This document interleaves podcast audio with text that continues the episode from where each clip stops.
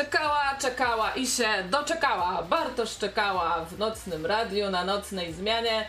Dobry wieczór, Bartku. I cześć Ania, witam wszystkich. E, ekspert do spraw zapamiętywania, certyfikowany dietetyk, trener personalny, trycholog, no i poliglota, który zna już 8 języków. E, jesteś też twórcą strony Universe of Memory, na której oferujesz swoje autorskie kursy i szkolenia językowe, no i pamięciowe. No i ostatnio nawet pojawił się kurs o jeden włos za daleko. Co to za kurs?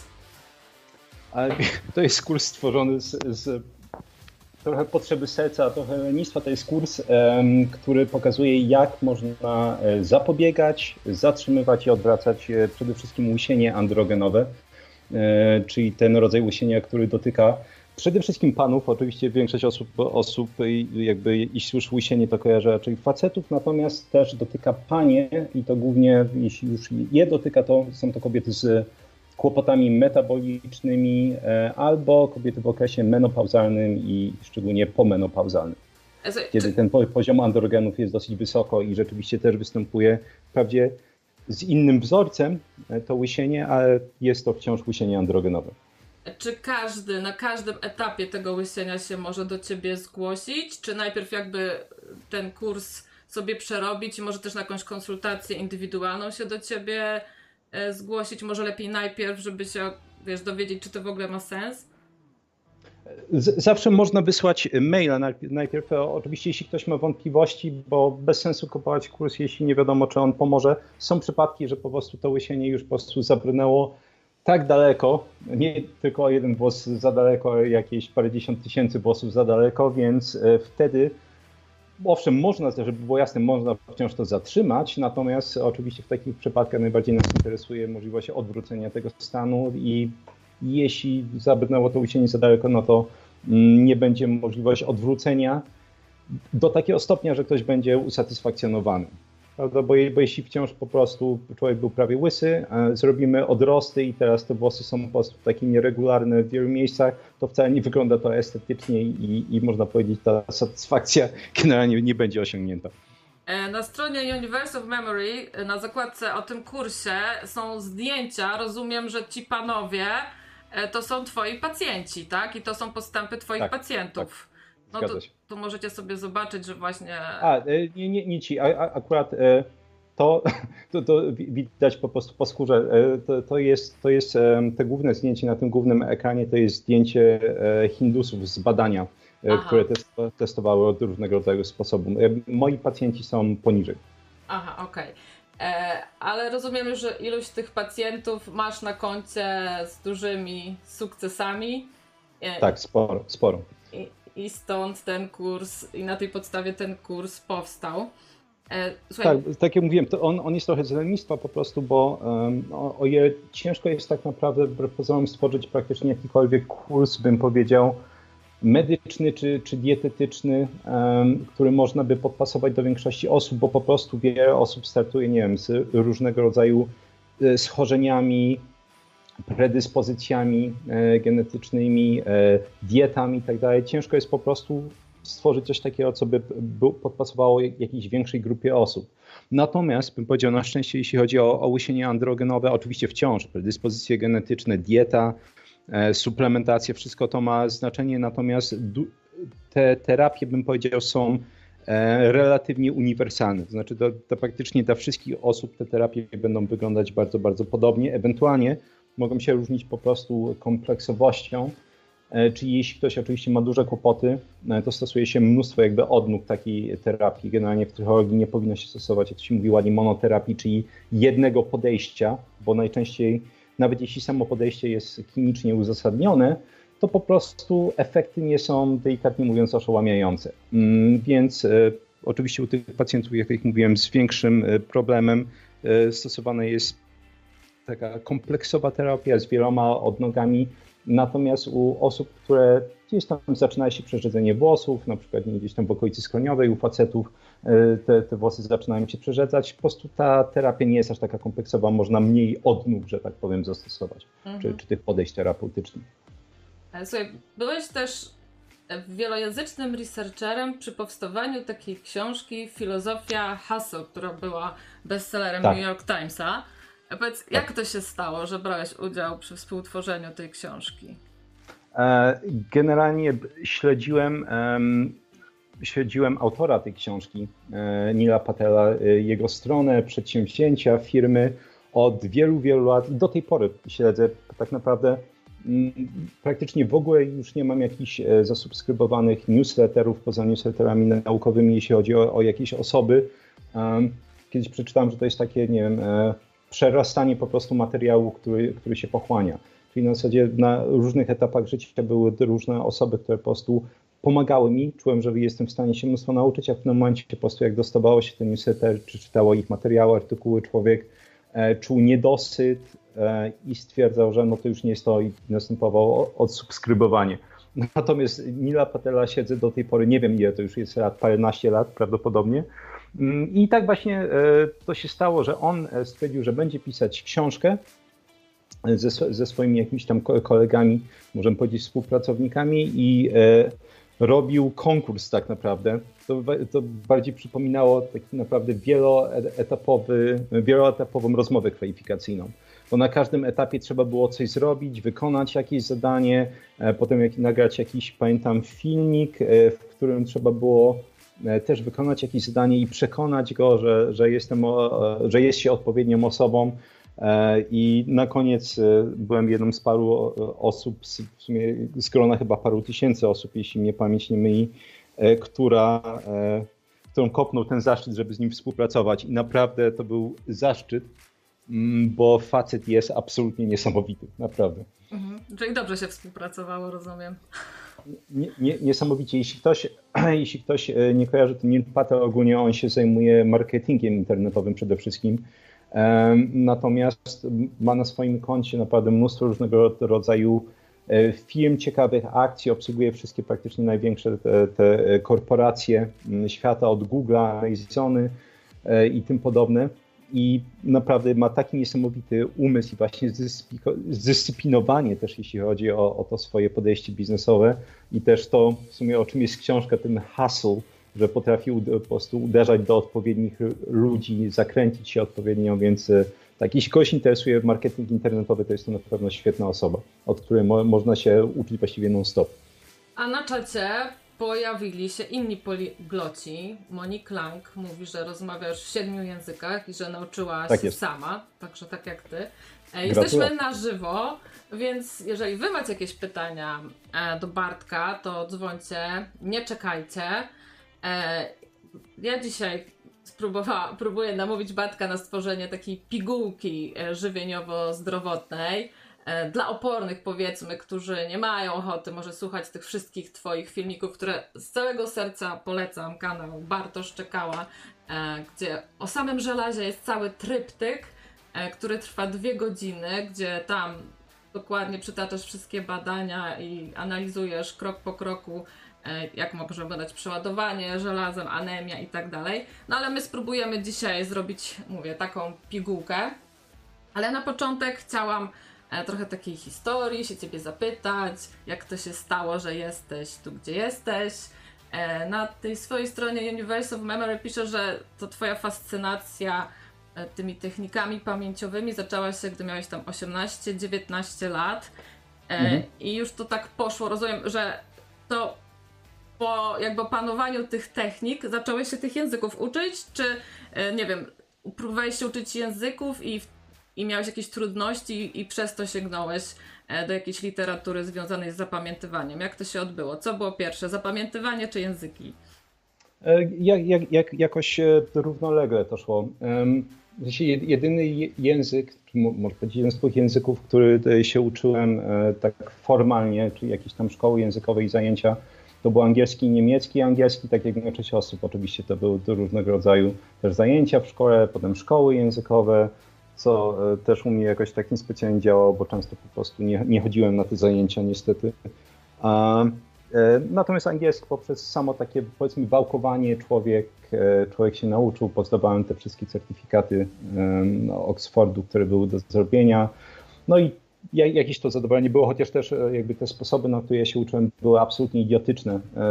Zawsze to podkreślam z perspektywy czasu, mm, bo wymyśliłem sobie system taki, że jeśli nie znam jakiegoś słowa, czyli na przykład czytałem jakieś tam gazetki angielskie, oglądałem filmy, nie znałem jakiegoś słowa, e, to sięgałem po takie olbrzymie, to chyba były słowniki PWN-u, jeśli nie pamięć nie, my, nie myi. W sumie tutaj patrzył się na półkę, nie, Oxfordu takie olbrzymie słowniki i tam z tego słownika wypisywałem słowo, którego nie znałem, e, razem ze wszystkimi znaczeniami i przykładami, co było absolutnym absurdem e, z perspektywy czasu, bo tych zeszytów e, A4 zapełniłem minimum paręnaście i po prostu jak jechałem do liceum na zajęcia, to, to je czytałem. Oczywiście, że było jasne, coś co zawsze podkreślam, plusem każdego idiotycznego systemu nauki jest to, że to jest system. To znaczy, tak długo, jeśli jest uporządkowany sposób zdobywania wiedzy, czyli trafiamy na jakąś informację i my wiemy, że właśnie w ten określony sposób będziemy próbować ją zakodować i przyswoić, to już jest jakiś sukces, bo po prostu no, jest, jest ta systematyczność. Natomiast oczywiście e, potem się zastanawiałem dopiero, dlaczego po prostu nie brałem całego słownika i nie zakreślałem odpowiednio, nie wiem, flamastem choćby słów, e, na które się natknąłem, bo oszczędziłoby mi to, nie wiem, jest setki godzin, o ile nie więcej, bo naprawdę zapisanie parunastu zeszytów A4 e, w ten sposób zajęło mi niesamowicie dużo czasu. Natomiast taki e, przełom to, to było um, uczęszczanie na zajęcia do, tutaj we Wrocławiu do, do e, Profilingua. Po trzech latach, chyba był tak, trzeci, trzeci rok mojego uczęszczania tam na zajęciach, teoretycznie miałem stawać ten pierwszy certyfikat, certyfikat Deutsch i miałem jakby taki przedwstępny, jakby ten wewnętrzny mm, egzamin i, i zdałem go i to było chyba tego samego dnia, że jak wychodziłem po prostu już taki zadowolony z siebie, taki ten mój niemiecki nie jest fantastyczny, e, wyszedłem na rynek i zaczepiła mnie jakaś e, para Niemców. E, I zadaję mi bardzo proste pytanie, czy jakąś restaurację mógłbym polecić. I zacząłem się niesamowicie jąkać. Nie potrafiłem wydusić z siebie praktycznie żadnego spójnego zdania. Zrobiłem się cały czerwony, po prostu wstyd jak cholera, w końcu coś, coś z siebie wydukałem i, i, pamiętam, że jak odchodziłem, to po prostu takie gromkie sobie powiedziałem, o kur... Ale oni nie wiedzieli, że ty już ten certyfikat masz. Tak, nie, oni, a ja widziałem, prawda? To jest, to jest, nie wiem, jakby ktoś chodził na, na, na um, zajęcie z jakiejś sztuki walki, to hapałby się już jakiegoś lepszego pasa i, i potem jakiś żul pod monopolem by mu spuścił baty. Hmm. To jest, to jest mniej więcej ten odpowiednik e, dla mnie, więc po prostu było mi niesamowicie wstyd i stwierdziłem, że absolutnie kończę ze szkołami językowymi po trzech latach, e, to powinienem być w stanie przynajmniej jakoś bez problemu się z nimi porozumieć i tak, to był właśnie taki przełom, że zacząłem wtedy wsiąkać w mm, książki o pamięci, i od tamtej pory w sumie się nic, nic praktycznie nie zmieniło na rynku, bo jeśli chodzi o książki dotyczące pamięci, to mamy głównie książki dotyczące mnemotechnik, czyli tych technik pamięciowych. E, oczywiście mnemotechniki to są dowolne techniki, które pomagają zapamiętywać, natomiast w takim węższym znaczeniu, jak to jest najczęściej używane to słowo, mnemotechniki to są te techniki, które e, wykorzystują wizualizację do zapamiętania jakiegoś słowa. E, czyli tak jak zazwyczaj komuś szybko tłumaczę, jeśli chcielibyśmy zapamiętać słowo Latin, czyli żarło po angielsku, które się pisze glutton, no to moglibyśmy sobie wyobrazić, że mamy jakiegoś takiego, nie wiem, grubasa w takim kusym podkoszulku, który je glutów tony, glutton. Tak, i, i po prostu wyobrazić sobie tak wyraźnie, żeby to ma być obrzydliwe, to ma właśnie zapaść w pamięć, że je tą tonę glutów, mu ścieka po twarzy, i takie obrazy zapisujemy, czy umieszczamy w jakichś miejscach nam znanych, czyli to może być, nie wiem, przedsionek naszego domu, to może być wejście do mieszkania, kuchnia i odbywamy mentalną wędrówkę, wydobywając te obrazy. Na tym w skrócie polegają te mnemotechniki i ja byłem absolutnie wręcz ewangelistą technik pamięciowych. To jest chyba jedyny raz w życiu, jak po prostu tak mi coś mocno siadło na głowę, że wszystkich przekonywałem, że jeśli nie znasz technik pamięciowych, to w ogóle nie zapomnij o jakiejkolwiek skutecznej nauce i no właśnie, tak wsiąknąłem w to, że zacząłem startować w jaki, jakichś e, turniejach. Tutaj właśnie we Wrocławiu mieliśmy mistrzostwa, e, otwarte mistrzostwa pamięci organizowane wtedy przez Empik, e, które wygrałem. No i ta, ta, ta, ta saga ciągnęła się parę lat i zacząłem zauważać po prostu, że mnemotechniki no niestety nie działają tak, jak większość tych autorów przedstawia, że działają, bo jeśli one by działały tak dobrze, to ja bym po prostu tych słów nie zapominał. A ja po prostu tysiące, tysiące słów przesłałem w ten sposób, miało parę miesięcy, no i nie było ich jakoś w głowie. I, I to był taki drugi przełom, że stwierdziłem, że przecież musi istnieć coś więcej, jeśli chodzi o tą pamięć, niż po prostu wszystkie te techniki, e, czy książki o technikach pamięciowych. I to był właśnie moment, w którym po prostu zacząłem czytać e, badania naukowe, czy nie śmiało się wgryzać w badania naukowe, co było absolutnym koszmarem, um, bo mimo po prostu wtedy ja zacząłem uczyć angielskiego, czy przepraszam, nauczać angielskiego, jak miałem 20 lat, to do tej pory to robię, więc e, mam 38, więc to już jest, no powiedzieć, więcej niż połowa moje, mojego życia, czy prawie połowa życia zawodowego. Mm, natomiast mimo po prostu tego poziomu C2, to pamiętam, że wgryzienie się w te badania to był koszmar, no bo ten język jest na tyle specyficzny, że no właśnie, trzeba się z tym, z tym oswoić. Natomiast to był taki na pewno moment przełomowy, że stwierdziłem, że w badaniach naukowych i, i różnego rodzaju podręcznikach, takich akademickich, do psychologii, które traktowały o pamięci przeznaczone na jakieś tam amerykańskie uniwersytety. Mm, było te informacji, które zupełnie dla mnie obaliły po prostu to, czym są techniki pamięciowe i pokazały niestety dosyć brutalnie, że te osoby, mm, które promowały te techniki pamięciowe, no głównie miały w tym powiedzmy jakiś interes finansowy, bo uzasadnienia stricte pamięciowego do używania mnemotechnik do długofalowego zapamiętywania praktycznie nie ma. Czyli co odkryłeś? Że jaki jest klucz do zapamiętywania? O, ciężko mówić o, o jakimś jednym kluczu. Jeśli, jeśli próbować skuteczne zapamiętywanie spłycić, to na pewno pierwszą rzeczą e, byłoby, byłaby optymalizacja powtórek. Coś, o, o czym trąbiłem już w wielu wywiadach, że Gdzieś tam na początku, to było XX e, wieku, był niejaki e, psycholog austriacki Ebbinghaus i on opracował właśnie coś, co nazywa się krzywą Ebbinghausa, można ją nazywać krzywą e, zapominania, niektórzy zapamiętywania nazywają. I on po prostu zaczął testować, w jakim tempie za, za będziemy zapominać informacje i robił to zapamiętując nonsensowne zbitki spółgłosek. I na tej podstawie stworzył właśnie taką krzywą Ebbinghausa, która pokazywała, jak szybko informacje ulatują z pamięci. I ta krzywa została w ciągu tam następnych, e, no już można powiedzieć, 100 lat e, potwierdzona w paru dziesięciu takich wieloośrodkowych, szeroko zakrojonych badaniach.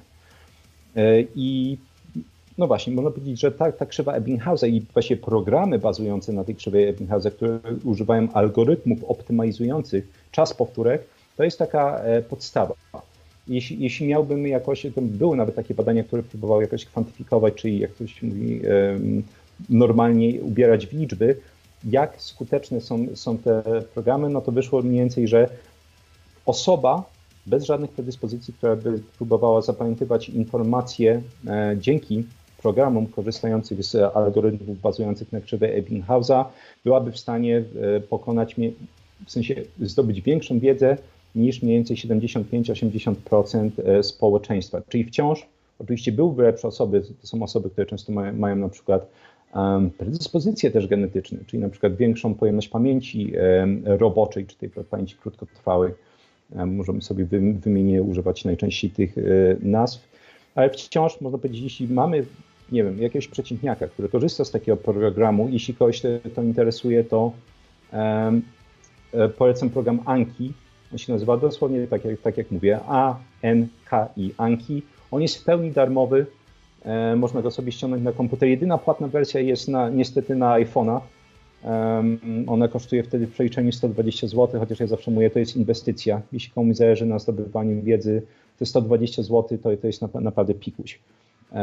Natomiast na Androida ta wersja też jest bezpłatna, więc można sobie ściągnąć to Anki i tam po prostu, można powiedzieć, to jest jakby forma przerabiania elektronicznych fiszek, i na podstawie odpowiedzi, które będziemy udzielać, ucząc się informacji, sam program będzie optymalizować e, daty powtórek e, informacji, więc jest to coś, co szalenie ułatwia naukę. Jeszcze raz, tak statystycznie dowolna osoba, czy średnia, przeciętna osoba, która by sobie wzięła coś takiego, będzie lepsza niż 80% innych osób w danej dziedzinie, które nie będą korzystać z tych informacji. A jeśli już oczywiście ktoś ma predyspozycje jakieś, pamięciowej korzysta z takich programów, to jest naprawdę no, zamieniać się w kombine do zdobywania informacji.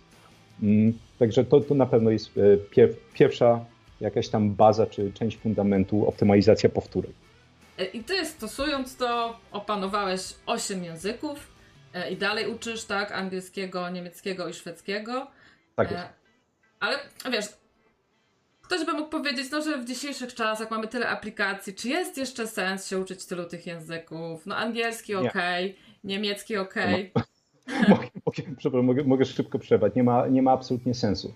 Um, żeby było jasne, jest, y, sens bym powiedział jest zawsze zdeterminowany przez środowisko, w którym ktoś się e, przebywa. Te, te moje języki zawsze gdzieś tam, gdzieś tam wypływają mm, w różnego rodzaju sytuacjach, bo zawsze ktoś, nie wiem, z moich bliskich, nie wiem, no jakoś no, próbuje się pochwalić, co oczywiście jest przemiłe, ale innym osobom, które, obcym, które mnie, mnie spotykają, że a on zna, nie wiem, tyle, tyle języków i większość reakcji jest miła, ale niektórzy na przykład mają takie, zauważyłem, e, ta mniejsza część reakcji to jest, że czują winę, że w zasadzie, a wiesz, bo ja próbowałem, to nie, nie dało rady. Nawet ostatnio miałem, poznałem e, siostry mojej babci, e, i z czego większość tych sióstr ma między 90 a 95 lat. Pierwszy raz w życiu je poznałem, żeby było śmieszne.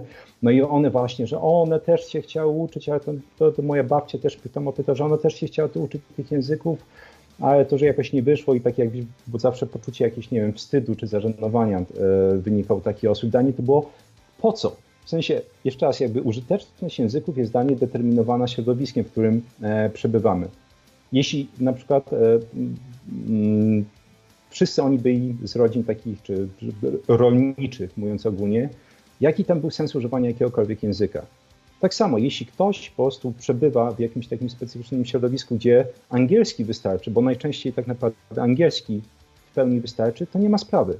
W sensie e, nie, zami nie zamieniamy w tego w taki, e, nie wiem, to nazywam e, onanizm intelektualny, który tam panuje w tym środowisku poliglockim, że no, o, ja znam 14 języków, o, ja 17, z czego 8 na poziomie A2, a, i dla mnie to jest po prostu odpychające. Na zasadzie dla mnie E, liczba tych języków była poniekąd przypadkowa i wynikała raczej z tego, że ja testowałem sobie e, na podstawie tych badań, które czytałem, stwierdziłem, że chciałbym stworzyć swoje systemy zapamiętywania. I tym samym, jelikoć dodawałem po prostu jakieś nowe informacje do tych moich e, modeli mentalnych dotyczących pamięci, to po prostu musiałem testować te informacje na kolejnym języku. E, I po prostu testowałem właśnie dodając jeden język i kolejny język i kolejny język e, i w pewnym momencie po prostu jak te systemy można było, e, było powiedzieć zostały zakończone, w większości oczywiście tam jakieś niewielkie rzeczy się zmieniały, to stwierdziłem, nie ma sensu. Więc te 8 języków nie ma sensu, 6 by nie miało dla mnie sensu, jeśli chodzi o, o stricte praktyczność, 4 by nie miało sensu. A można powiedzieć, ja, ja ponieważ tych języków trochę wyszło, to można powiedzieć, zacząłem na siłę kombinować trochę, jak można e, je utrzymywać. I stwierdziłem, że nauczanie, że uwielbiam nauczać. E, do tej pory zresztą to, to, to, to robię, mimo że nie, że nie muszę.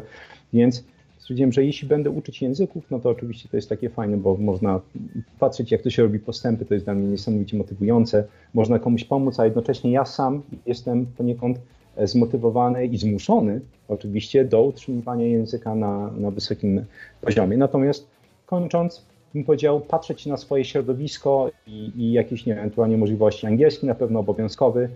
Bym powiedział, dobrze jest pewnie znać dwa języki, jeśli miałbym już jakąś liczbę podać.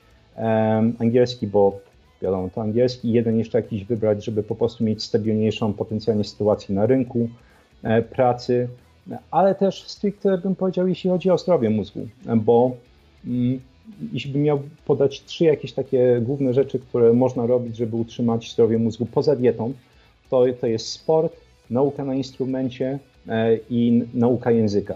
Dzisiaj jak słyszę o tych sudoku, sudoku i tak dalej, to mi się w kieszeni To są takie bezwartościowe rzeczy intelektualnie.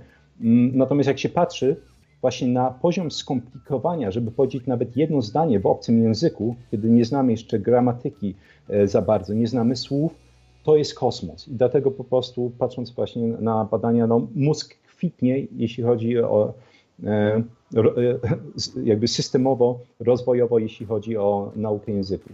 Więc tak nawet z czystego zdrowia mózgu bym, bym te dwa języki zrobił, ale jeszcze raz, patrzeć na otoczenie. Jeśli ktoś na przykład, nie wiem, zna dwa języki i nagle pojawia się jakaś możliwość, jest informatykiem pracy w Japonii, tylko musiałby znaleźć ten Japonii wtedy dostanie taką pracę, że łohoho, super, to jest na przykład bardzo naturalny, jakiś, e, naturalna tranzycja, żeby nauczyć się japońskiego. Nie wymuszone sztucznie, że ja potrzebuję znać, nie wiem, pięć języków, żeby się dowartościować, tylko, że tak powiem, sytua sytuacja, e, czy ta zachęta jest sytuacyjna stricte i wtedy rzeczywiście warto dołożyć kolejny język. Albo na przykład już zna trzy języki i poznał tam Chinkę. O, dla no miłości, tak, tak, to no, też jest dobry motywator. Da, da, dla mnie coś takiego ma sens. Natomiast oczywiście, jeśli czyjąś, bo w środowisku poliglotowskim też są fantastyczne osoby, których, dla których języki to jest pasja i będą do końca życia dokładać ten 40 czy 50 język, też super. No bo oczywiście to jest już z potrzeby serca idzie. Natomiast bym, nie, nie szedłbym na siłę więc uważam, że jeśli chodzi o szczególnie nie wiem, jakąś tam pozycję finansową, to jest jest wiele innych umiejętności, które można zdobyć szybciej nawet niż znajomość dobrą języka, które dają lepsze, wymierne efekty finansowe. Mm. E, gdyby ktoś chciał się u Bartka uczyć języka, no to jeszcze w zeszłym roku godzina z Tobą kosztowała 150 zł. Powiedz, jak inflacja tutaj podziałała? Ile godzina nauki z Tobą teraz kosztuje? 250, e, a, ale to i tak jest, że tak powiem, taka raczej teoretyczna liczba, bo e, nawet nie pamiętam, kiedy ostatnio miałem, e, miałem miejsce na nową osobę. Wydaje mi się, że to już jest półtorej roku, ale to tylko wydaje mi się, może, może już nawet dłużej. Po prostu od, od dawien dawna praktycznie nie ma miejsc. Te, te, te osoby, które uczę, że tak powiem, nie, nie, tak oczywiście z całą sympatią do, do nich, bo, bo, niektóre z nich po prostu uczą się ze mną od lat i po prostu nie chcą odejść, ciężko jest trząsnąć. Nie chcą sobie pójść. Tak, nie, mia, miałem takie przypadki, że e, jak doprowadziłem kogoś, tam był cel, nie wiem, do, do tego e, jakiegoś języka dojść do poziomu B2, no to mówiłem, wiesz to no to warto zrobić miejsce nowej osobie. No mówię, znasz już, wiesz jak się uczyć samemu. E, mówię, nie ma co wydawać na mnie pieniędzy, szkoda po prostu pieniędzy, idź, idź że tak powiem, wyfruń z tego gniazda, ucz się sam. Okej, okay, dobra, a jeśli zaczęlibyśmy się uczyć kolejnego języka, to mogę zostać? No, no. no dobra, i więc, więc miałem sporo osób, które po prostu ze, ze mną przez parę języków mhm, leciały. Mm -hmm.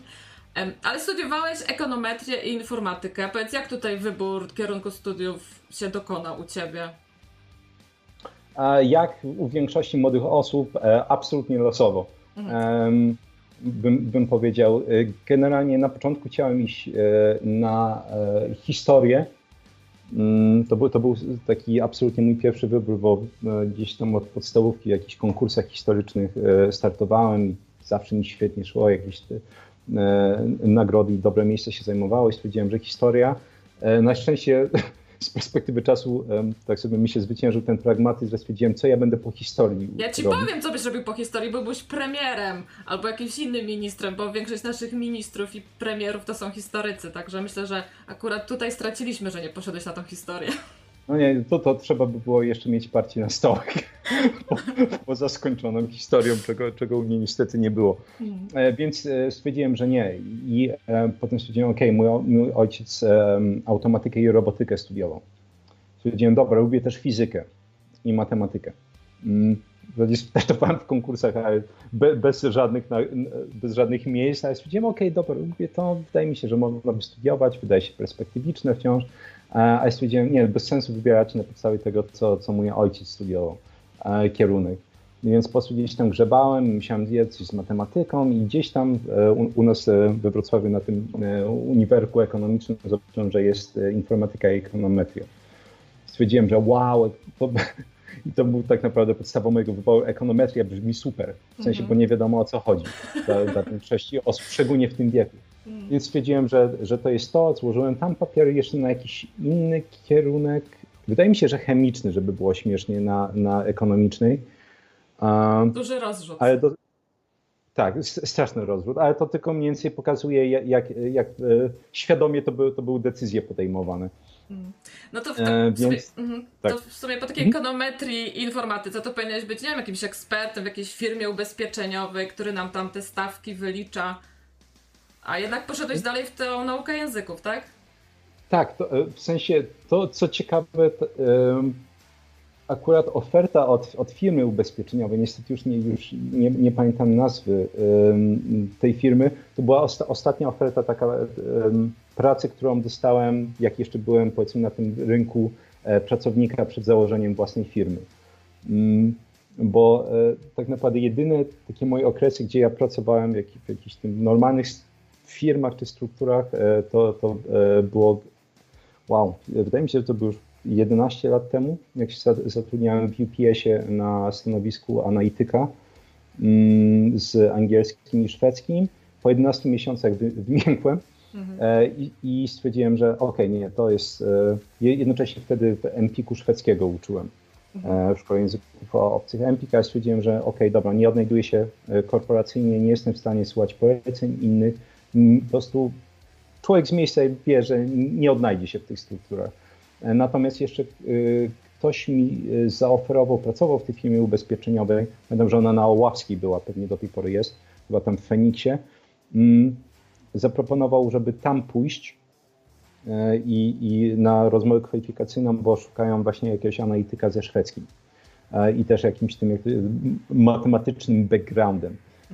I poszedłem tam i w sumie też czasu żałuję, bo zachowałem się jak absolutny burak, bo po prostu się zdenerwowałem mm, na tej rozmowie, bo jak się wyszło na to, że to była tresowana małpa. Dosłownie nie miało nic wspólnego z analizą, trzeba było przepisywać umowy w różnych językach mhm. do, na, na komputer. E, I stwierdziłem, ok, super, a gdzie jest rozwój, co, co, ja mógłbym tutaj ciekawszego robić, e, czy oni mogą zagwantować ten rozwój, nie wiem, za pół roku, rok, zmiany stanowiska, powiedzieli, że nie, no i tak też delikatnie mówiąc, nieładnie nie zachowywałem.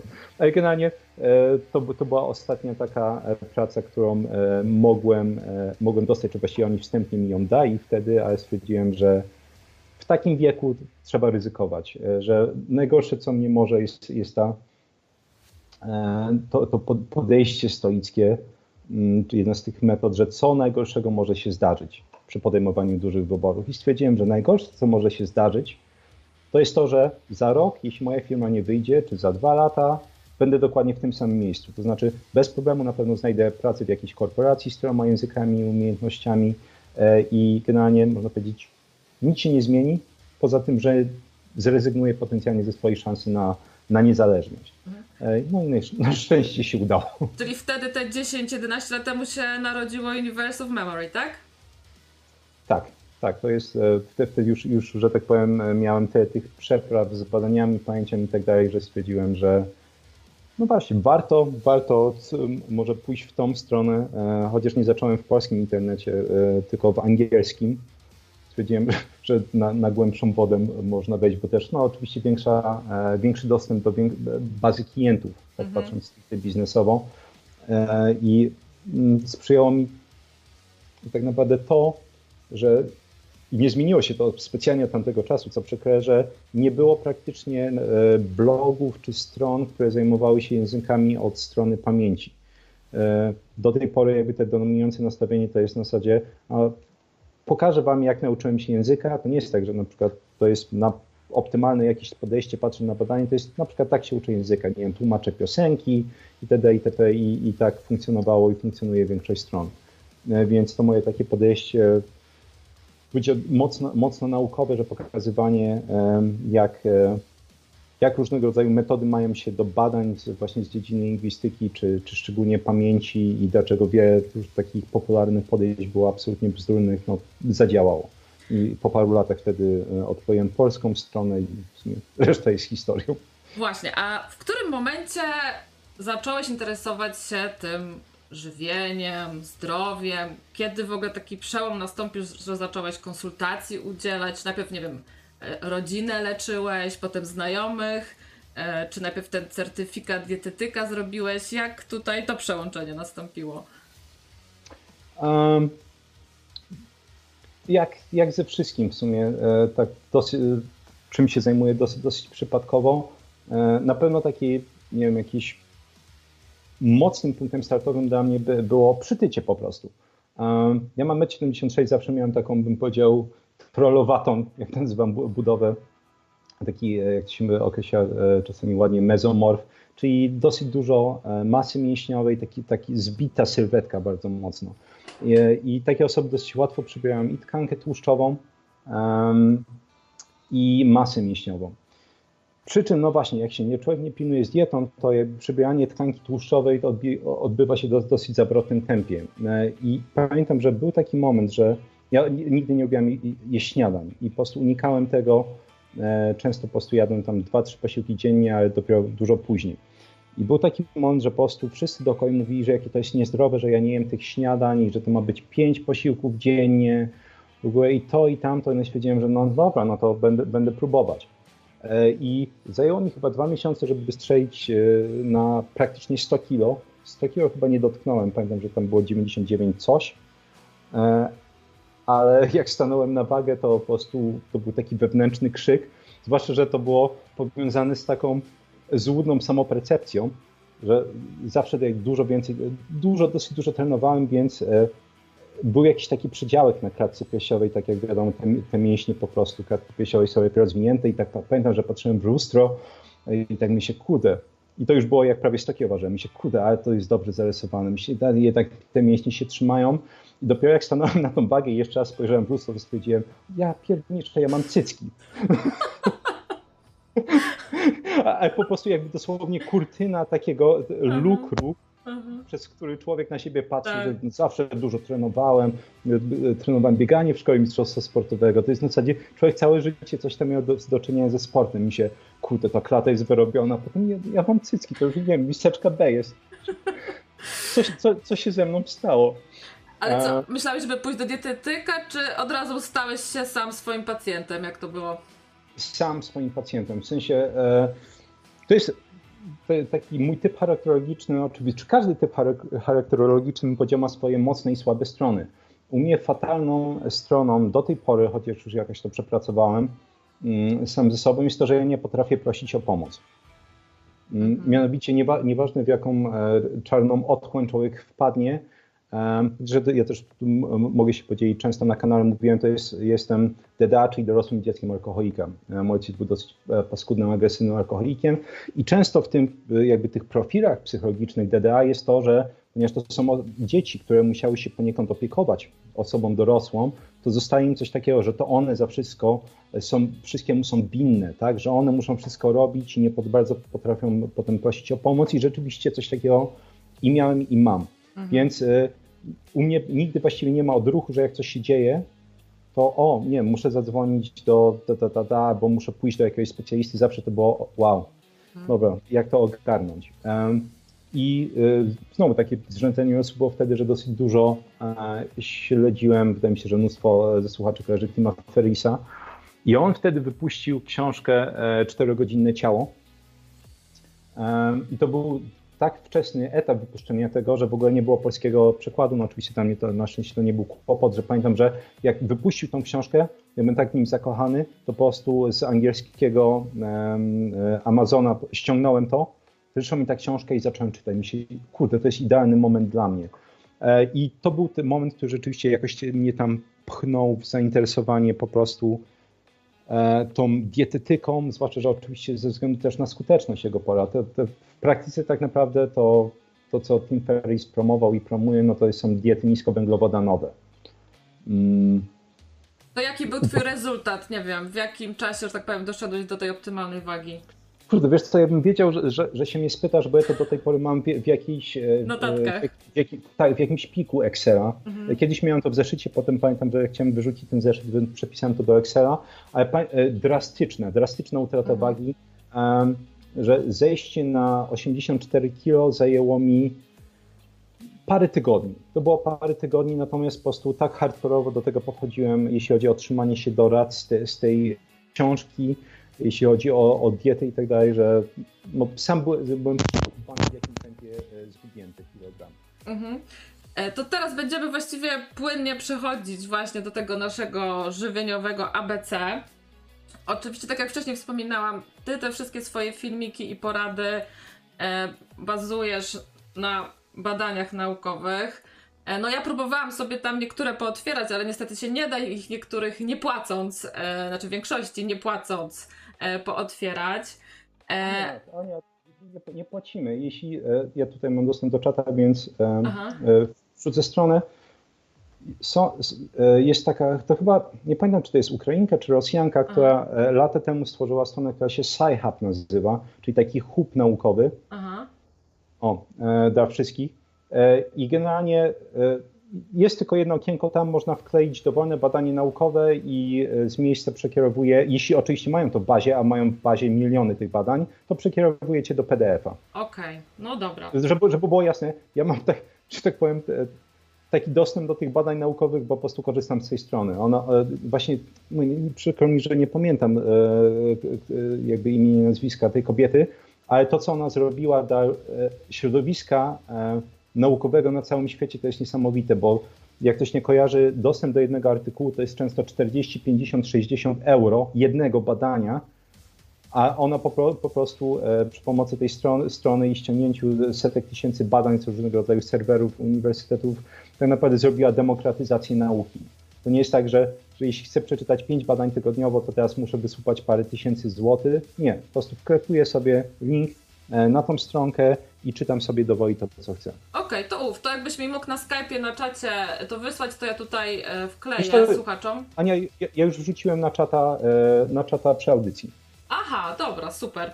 E, no dobra, to mając to w pamięci, że ty to wszystko bazujesz na tych badaniach naukowych i mając w pamięci to, że jesteśmy tutaj radiem dla osób dorosłych, to mimo wszystko bardzo bym cię prosiła, żebyś unikał takich wulgaryzmów jak fosforylacja oksydacyjna czy inhibitory proteaz. Żeby to po prostu było. Zaprosiłaś złą osobę.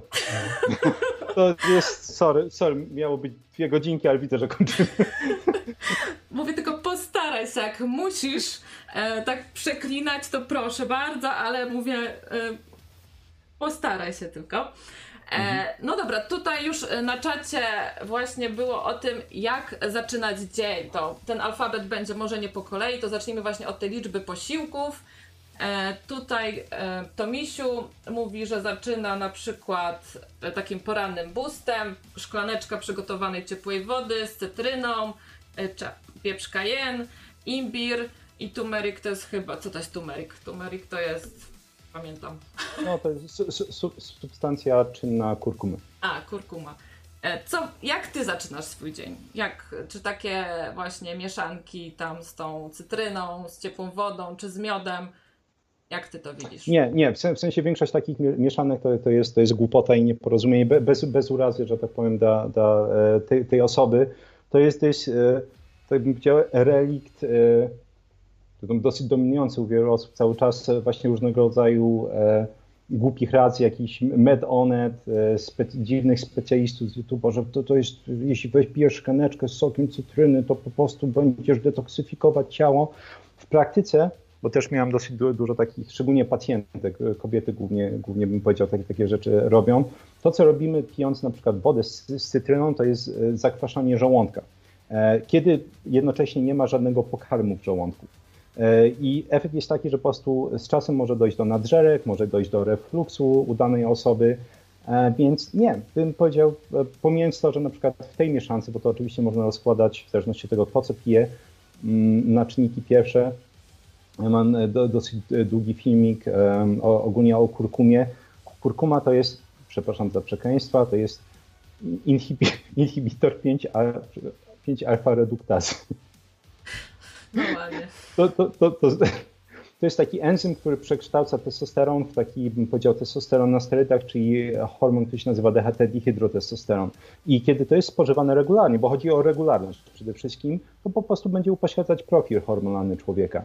I o ile 20-latek czy 30-latek może specjalnie tego nie zauważy, to im po prostu e, dłużej ktoś e, coś takiego robi, będąc starszym albo w ogóle mając kiepski styl życia, to no, może się to odbić negatywnie. E, rozumiem, że to samo się tyczy tego octu jabłkowego na tej samej zasadzie. dokładnie ta sama rzecz. Ocet jabłkowy świetnie zakwasza żołądek, e, żeby oczywiście on ma, e, ma różnego rodzaju fajne działania. Może insulinowrażliwość zwiększyć, jak najbardziej jest w stanie zwiększyć lipoizę, czyli, czyli rozkład lipidów, tak upraszczając tkanki tłuszczowej. Są fajne rzeczy, ale to jest no, po prostu kwas. To jest tak jak mamy w cytrynie, tak naprawdę kwasy, które zakwaszą żołądek. Tak, tak samo zrobi to ocet jabłkowy. Pomimo to, że wiele osób pije ten ocet jabłkowy, tak, tak, tak, jak pije się wódeczkę, co będzie powodować e, rozkład szkliwa i, i kłopoty z uzębieniem z czasem, ale to samo tyczy się witaminy C tak naprawdę. Mhm. Więc, żeby było jasne, jeśli chodzi o takie typowe rzeczy, że na zasadzie czy warto to robić, nie, oczywiście, że nie warto, bo dla mnie to jest traktowanie ciała jak absolutnego debila. W sensie jesteśmy tutaj miliony, miliony lat, e, nie licząc, że tak powiem, jacyś sekciarzy, którzy uważają, że jesteśmy 15 tysięcy lat na tej ziemi e, i, i świetnie jesteśmy w stanie funkcjonować bez szklanki wody z cytryną i na pewno bez octu jabłkowego. Czy można je brać? Można. Są wskazania. Właśnie na przykład jeśli ktoś, że zawsze mówię, nic nie jest zero-jedynkowe w medycynie. To, co jest, jedno podejście jest w stanie skrzywdzić jednego człowieka i pomóc drugiemu. Czyli jeśli mamy kogoś, kto na przykład ma kiepskie trawienie, ze względu na to, że po prostu ma, ma wyż, wyższą zasadowość żołądka, jak najbardziej ta woda z cytryną rano, szczególnie bym powiedział bliżej posiłku, jest w stanie zakwasić żołądek, co sprawi, że po prostu wszystko będzie epitrawione. Jeśli będzie epitrawione, na przykład białka, to jest mniejsza szansa na, na różnego rodzaju kłopoty autoimmunologiczne, kiedy te niestrawione białka po prostu będą biegać po jelitach i, i następuje właśnie taka lekka odpowiedź immunologiczna, która po latach może się w choroby autoimmunologiczne przekształcić. Jest wchłanianie składników odżywczych. Więc, żeby było jasne, ja mówię ogólnie, natomiast jak najbardziej e, trzeba pamiętać, że są wskazania do absolutnie dowolnego suplementu, czy praktycznie dowolnej terapii, praktycznie, bo są oczywiście jakieś tam wyjątki od wszystkiego. E, I trzeba po prostu patrzeć na to całościowo, czyli patrzymy na człowieka, jakie ma kłopoty, skąd te kłopoty wynikają, i dopiero wtedy można powiedzieć, że substancja A czy podejście terapeutyczne B jest przydatne więc jeśli ktoś szuka jakichś takich, bym powiedział, suplementacyjnie magicznych pigułek czy, czy podejść, e, praktycznie ich nie ma. No, praktycznie jakieś tam znowu wyjątki tutaj są. To zacznijmy od początku. A jak alkohol? Czy w ogóle nie pić, lepiej być abstynentem, czy jednak trochę tej trucizny raz na jakiś czas to jest dobry pomysł? Um, hmm. Znowu, odpowiedź na, na pewno nie, nie, nie jest zero-jedynkowa. Ja dosyć dużo omawiałem, e, czy relatywnie dużo badań dotyczących alkoholu na kanale i to, co na pewno wiadomo, to mniejsze dawki alkoholu to są takie mniej więcej mniej niż 25 gramów alkoholu etylowego. Każdy sobie może przeliczyć mniej więcej ile to jest. Tak, czyli przypominam, że jeśli mamy wódkę 40% i ktoś wypije setkę, no to mamy 40% setki, czyli wypił 40 gram alkoholu etylowego. Więc e, te ilości poniżej 25 gram alkoholu e, etylowego są w stanie zwiększyć insulinowrażliwość. E, w wielu badaniach są w stanie obniżyć stany zapalne. Oczywiście jest to, będziemy rozrzedzać krew, czyli można powiedzieć, jest to jakiś taki weselszy substytut kwasu acetylosalicylowego, który właśnie często się będzie przepisywać, jeśli ktoś ma kłopoty z krzepnięciem, jest ryzyko występowania zawałów. Też nawet e, chyba, nie pamiętam, czy w tym tygodniu, czy w zeszłym tygodniu omawiałem e, takie szeroko zakrojone badania epidemiologiczne, że no średnio wychodzi, że osoby, osoby e, które piją alkohol, mają ciut wyższą, ciut, przepraszam, dłuższą długość życia niż osoby niepijące. Żeby było jasne, to są praktycznie nieistniejące różnice. To jest na przykład do roku, pół roku, nie wiem, miesiąc, w zależności od badania więc ciężko to traktować w pełni poważnie, ale bym powiedział, te niskie dawki alkoholu e, ja postrzegam bardziej jako stresor, czyli tak jak mamy stresory różnego rodzaju, jak nie wiem, stresor cieplny, czy te termiczny, jak sauna choćby, wychodzi na to, że alkohol, e, który bez cienia wątpliwości jakby metabolity alkoholu są, są e, toksynami, niektóre właśnie jak acetylaldehyd są kancerogenami. Te rzeczy w niskim natężeniu są w stanie potencjalnie działać jako, jako stresor na organizm i organizm oczywiście będzie mieć tą odpowiedź hormetyczną, żeby usunąć te stresory, więc to może w jakiś sposób pozytywnie działać. Ale no właśnie, mówimy o tak niskich dawkach, e, Mało kto jest w stanie tak sobie dawkować w takich małych dawkach ten alkohol. I jeżeli mam taką osobę, która jednak używa tego alkoholu czasami w nadmiarze, na przykład taki e, weekendowo, tak sobie potrafię na przykład e, wieczorem jedno winko walnąć w piątek, to mhm. czy można to jakoś neutralizować dietą? Jak wzmocnić organizm wtedy? Jak to właśnie mm, te złe efekty zniwelować? Da, że tak powiem, ży, żyjąc godnie e, po, po, po fakcie. E, żeby było jasne, e, można próbować kombinować na, na różne sposoby, mm, żeby obniżyć toksyczność tego alkoholu. Oczywiście klasykiem jest, jest po, po, prostu danie jakiejś warstwy tłuszczu w żołądku, czy nie wiem, spożycie choćby oleju, nie wiem, na Rosołek pełne... najpierw. Rosołek, tak, i, i rzeczywiście, że bo jasno, oczywiście to tylko wpływa na to, że wchłanianie alkoholu jest spowolnione i tak go będziemy musieli zmetabolizować, ale ponieważ jakby e, jednak ilość e, wchłanianego alkoholu w danym momencie jest mniejsza, no to organizm ciut jest w stanie to ogarnąć. Natomiast tak e, kiedyś próbowałem dosyć dużo o tym czytać, żeby właśnie no też wykombinować, co możemy zrobić i okazuje się, to było dla mnie szokujące, bo, e, że acetylaldehyd, czyli tak jak mówiłem, kancerogen, który jest jednym z metabolitów rozkładu alkoholu, czy detoksyfikacji alkoholu, który następuje w ciele, on jest obecny również w jedzeniu. On jest obecny w herbacie, jest obecny w kawie na przykład, jest obecny w fermentowanej żywności, jak jogurtach, serach, fermentowanych warzywach, choćby ogórkach, w niektórych warzywach i innych i owocach niefermentowanych nawet jest w stanie powstawać e, przy gotowaniu e, jedzenia. Więc teoretycznie można próbować unikać wszystkich tych rzeczy, jak między innymi kawa, herbata, bezpośrednio przed piciem alkoholu, te fermentowane produkty, bo mimo, że tam stężenie tego acetylaldehydu jest bardzo niskie, to wciąż organizm musi to detoksyfikować.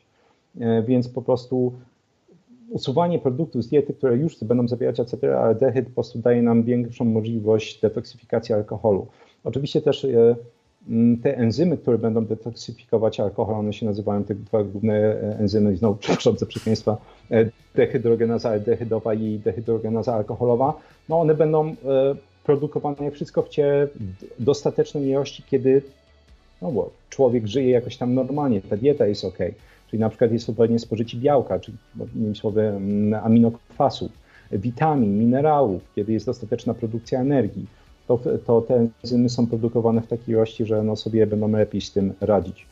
Mm, natomiast jakby pomijając te, te rady, w praktyce, jeśli ktoś, sobie walnie więcej, oczywiście wiadomo, że alkohol też, e, powiedział, największe przekleństwo alkoholu dodatkowo jest, że on, on, on dokonuje E, żeby nie używać słowa inhibicja, ograniczenia aktywności e, e, kory przedczołowej. To jest ta, ta nasza najnowsza część mózgu, która odpowiada za wszystkie wyższe funkcje kognitywne, czyli na przykład właśnie myślenie logiczne, ale też, no muszę użyć tego słowa, inhibicję, czyli na przykład jeśli, jeśli ktoś patrzy na paczkę chipsów, zwyczajnie myśli, a wiesz co, no wiem, że to jest dobre, ale jednocześnie wiem, że jest to syf, więc nie zjem tego. Więc alkohol działa tak, że wy, zaczyna wyłączać. Im więcej pijemy, tym bardziej wyłącza tą korę przedczołową i nagle ta nie wiem, miska chipsów e, staje się absolutnie fantastycznym idem. I oczywiście też seksualnie zawsze mówię. Oczywiście nie bez powodu jakby mnóstwo zdrad dzieje się po alkoholu, no bo tak. oje, kiedy ta kora przedczołowa jest aktywna, mówi ok, nie, dobra, w domu czeka mąż, w domu czeka żona, to po prostu po, po paru kolejnych kolejkach jest nagle hmm, no może nie jestem aż tak szczęśliwy w tym związku, czy szczęśliwa. No, no więc to jest, to jest, to jest takie przekleństwo po prostu większej ilości tego alkoholu, że pociąga ze sobą też najczęściej e, no, różnego rodzaju błędy dietetyczne. I stąd mówię, głównie przede wszystkim chodzi nam o życie godnie po tej imprezie. Czyli idziemy na wesele, nie wiem, ktoś, ktoś Imprezy firmowe. Tak, tak. Ktoś wypił za dużo, zjadł mnóstwo syfu. Posty są świetne, bo możemy zawsze upraszczając jakby negatywne działanie diety na organizm, to, to e, staram się to tłumaczyć w ten sposób, że trójglicerydy na wysokim poziomie e, oraz glukozę na wysokim poziomie będą powodować mnóstwo, mnóstwo niekorzystnych zmian w organizmie. Więc i, I, szczególnie alkohol ma to do siebie, że alkohol jest przekształcony jakby jeden z kluczowych produktów e, metabolizowania alkoholu jest taki krótkołańcuchowy mm, e, kwas tłuszczowy, który się octan nazywa. To jest kropelka tłuszczu dosłownie. Zresztą wiele osób może zauważyło, że po piciu ma na przykład przetłuszczoną twarz, po takim większym piciu. To jest właśnie trójglicerydy uciekają porami między innymi. Mm, to w tym momencie, w którym właśnie ten mamy podwyższony poziom trójglicerydów, może często glukozy, trzeba to przepalić. Dlatego posty są absolutnie fantastyczne. A ty, jakbym ci mogła takie intymne pytanie zadać, jak ty sobie dozujesz alkohol? Ja, ja ogólnie staram się trzymać e, zasady, może tak, nie, nie, nie do końca bawią um, mniejszej ilości, w sensie niektórzy lubią sobie trzasnąć lampkę um, czegoś tam dobrego. U mnie nie wiem, ja się robię po tym senny. E, piwa właściwie w ogóle nie tykam, bo w ogóle piwo jakoś czyni mnie rozlazłym. Wina nigdy nie lubiłem, więc u mnie to jest właściwie tylko i wyłącznie E, w większości przypadków albo, e, albo gin, albo whisky. Więc ja po prostu raz w miesiącu sobie pozwalam na jakieś wyjście, gdzie wypiję więcej i po prostu odpokutowuję następnego dnia po prostu na przykład poszcząt dłużej. Mhm. I też, też, żeby jasne, następne dni też po prostu staram, staram się lepiej kontrolować między innymi dietę, posty, suplementację, żeby tak naprawdę odpokutować. To jest na mhm. zasadzie, ok, wiadomo, że człowiek idzie, idzie na to wyjście z, ze świadomością, że z punktu widzenia zdrowia to jest coś absolutnie głupiego, natomiast jeśli, jeśli wiemy już, że to jest głupie, to przynajmniej wiemy, że też można zadośćuczynić um, temu już po fakcie. Mhm. A chciałabym Cię jeszcze zapytać, co Ty sądzisz w ogóle o reklamach piwa na przykład, sponsorowaniu imprez sportowych, kulturalnych przez producentów właśnie piwa czy wina, e, czy, czy na przykład, nie wiem, albo o tych zakazach, takich ograniczeniach sprzedaży alkoholu, jakie są w Skandynawii, jak ty masz, jakie masz tutaj do tego podejście? Szczerze mówiąc, e, nigdy jakoś spe, specjalnie się nad, nad tym nie, zastanawiałem tak, tak, że tak powiem. W, w, tym momencie, jeśli miałbym powiedzieć, to raczej był, byłbym e, przeciw, e, bo je powiedzmy dorosłe osoby, chodzi szczególnie o młodsze osoby. Dorosłe osoby są zawsze w stanie już ze względu na doświadczenia życiowe, różnego rodzaju skumulowaną wiedzę, podejmować te decyzje świadomie, natomiast jeśli chodzi o pamięć czy anatomię człowieka, dla mnie jedną z takich niesamowitych ciekawostek jest to, że e, my kończymy nasz rozwój jako istoty ludzkiej, że tak powiem, jeśli chodzi o dojrzewanie ciała, mniej więcej w okolicy 25-26 roku życia. I co wydaje się szokujące, bo najczęściej wiem, że większość osób uważa, że ten wiek nastoletni to już jest ten koniec, ale co, jakby co się dzieje od tego wieku nastoletniego, jak ciało, można powiedzieć, już praktycznie nie rośnie, czy przestaje rosnąć, co rośnie, mózg się cały czas rozwija. I właśnie ostatnią częścią mózgu, która dojrzewa, jest kora przedczołowa. A wtedy właśnie możemy legalnie kupować alkohol. Nie, bo, no, znaczy jesteśmy w stanie w, w 18 roku życia, a ta kora tak. przedczołowa, jeszcze raz, ona będzie ukształtowana w, e, więcej w okolicy 25-26 roku życia. Mm. I, I tutaj jakby konsekwencje tego są dla mnie niesamowite, bo jeszcze raz, jeśli ta kora przedczołowa wiemy, że odpowiada za myślenie logiczne, też między innymi myślenie logiczne to jest oczywiście zdolność wysnuwania e, domysłów a propos konsekwencji naszych czynów, i też jeszcze raz ta kora odpowiada za inhibicję między innymi, tak? Czyli jesteśmy w stanie powiedzieć, że ok, nie styka już dzisiaj, nie, nie będę więcej pić czy robić czegoś tam. Jeśli ona dojrzewa ostatnia, no to jest, jest, że tak powiem, rozsiew naprawdę mnóstwa lat, kiedy ktoś, młoda osoba ma dostęp do alkoholu, może podejmować głupie decyzje. I wiem, bo kurde, ja byłem to, tą osobą. W sensie ilość debilnych decyzji, również pod wpływem alkoholu, jakie e, podejmowałem w życiu, jest dla mnie no, niesamowicie duża.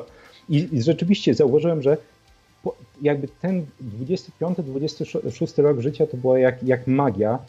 E, to były te okolice, że na zasadzie, kiedy człowiek zaczął, aha, nie, to może, może po prostu to, co robię, nie, nie, nie jest specjalnie inteligentne, może warto po prostu jakoś e, pchnąć moje życie w, w inne tory, bo jasne, zawsze się mnóstwo uczyłem i tak dalej, a, a, ale do, dorastałem w takim mocno e, hard rockowym, rock'n'rollowym towarzystwie i po prostu te, tego alkoholu nigdy nie brakowało między nimi. Więc e, to, to jest na pewno duży kłopot, jeśli chodzi o, o młodsze osoby, a wiadomo, że no ciężko zakazać reklamy tak żeby nie docierała tylko do osób w wieku, nie wiem, do 26 roku życia. Więc jeśli, jeśli miałbym decydować, e, raczej byłbym przeciw temu. Mhm. Chociaż oczywiście tutaj jest, są całe jakieś potencjalne dyskusje a propos tego, prawda, wolność e, człowieka itd. itp. Ale myślę, że, że do tego będą lepsi gości niż ja. Mhm. E, teraz chciałabym coś o badaniach. Załóżmy, że, no nie wiem, jest osoba 40 lat, czuje się zdrowo generalnie. Czy powinniśmy raz w roku, tak jak samochód oddajemy na przegląd, e, zrobić sobie jakieś podstawowe badania, co warto sobie zbadać? E, jak, jak ty się badasz? Zawsze warto się, się zbadać. I jakby głównym takim argumentem obalającym argument, że czuję się dobrze, więc po co robić badania, jest to, że istnieje mnóstwo między innymi nowotworów, które są w stanie rozwijać się właśnie powolutku. Są w stanie rozwijać się latami, powolutku, będą dawać oczywiście jakieś tam e, ta, ta główka tego nowotworu może się wychylać w niektórych badaniach, e, które się e, robi mm, prewencyjnie czy pragmatycznie, natomiast jeśli się nie robi tych badań, no to po prostu długie, długie lata, tak jak choćby nowotwór trzustki, może nie być żadnych znaków, a jak one się pojawią, to jest najzwyczajniej w świecie za późno. Mm, I, i no często jest tak, że od, od wykrycia do po prostu włożenia człowieka do, do trumny i zamknięcia wieczka y, ja rok, dwa lata. Więc powiedział, na, na, i raz do roku to jest minimum, powiedział, a raz do roku to może być nawet optimum, ale to zależy po prostu jak człowiek żyje. Bo na mhm. przykład y, dla mnie, jeśli ktoś wie, że no właśnie, nie wiem, pije więcej alkoholu, pali fajki, mało się rusza, może ma taką pracę w trybie siedzącym i tak dalej, czy dieta jest słaba, dużo stresu, no to bym powiedział dużo częściej niż ten raz w roku e, wypadałoby się badać, bo po prostu też ryzyko różnego rodzaju kłopotów jest dużo wyższe. Jeśli ktoś żyje wzorcowo, czy relatywnie wzorcowo, mm, e, może trochę próżnie, a ja bym stwierdził, no te, uważam, że te, te moje życie jest, jest, jest całkiem ułożone jeśli y, zdrowotnie, to ten raz do roku styka. Natomiast wtedy, wtedy e, warto robić po prostu tych badań e, dosyć, dosyć dużo, żeby sprawdzić, że tak powiem, każdy, każdy organ i, i cało, całość, e, przepraszam, ciało całościowo działa dobrze. Mhm. Czyli jakieś tam, nie wiem, poziom witaminy D, tak, glukoza, naczczo, to wszystko trzeba by tam zrobić. Dokładnie tak. Chociaż e, też z takim uproszczeniem, jak e, uwielbiam mm, skomplikowanie ludzkiego ciała, jak wszystkie właśnie mechanizmy i tak dalej, to uważam, że jest w tym potęga, szczególnie jeśli chodzi o pomoc pacjentom. Natomiast e, upraszczając to, tak naprawdę te badania można w jakiś sposób mieć pewność, że jest nie najgorzej z naszym zdrowiem, jeśli też w miarę przyzwoicie ogólnie żyjemy, kupując sobie glukometr i ciśnieniomierz. Mhm. Jeśli będziemy sobie po prostu regularnie mierzyć właśnie glukozę w domu i ciśnienie, bo regularnie to znaczy, że będziemy mieć po prostu trend jakiś. Tak? No tak. Te wiele pomiarów będzie układać się, się w e, konkretny trend. Jeśli nasze ciśnienie jest, nie wiem, 110 na 70 i mierzymy je 2-3 razy w tygodniu i widzimy, że za rok, dwa lata wciąż jest 110 na 70, Super, to znaczy, że ewidentnie, że tak powiem, trend jest oczywiście tutaj e, płaski, natomiast wiadomo, jest duża szansa, że nie, nie dzieje się z naszym ciałem, bo też e, stany zapalne właśnie mają to do siebie, że one będą e, pozwalać na spój tlenku azotu, to jest taki gazotransmitter, który rozszerza naczynia krwionośne. Na przykład potencjalnie wiedząc to, jeśli będziemy widzieć, że ciśnienie zaczyna się zwiększać, i widzimy w tych naszych odczytach, jeśli sobie będziemy na przykład to w Excelu notować, e, ten trend jest jednak wzrostowy, no to jest, jest ok. Że właśnie nie jest ok i, i warto e, iść na badania. To jest to samo z glukozą.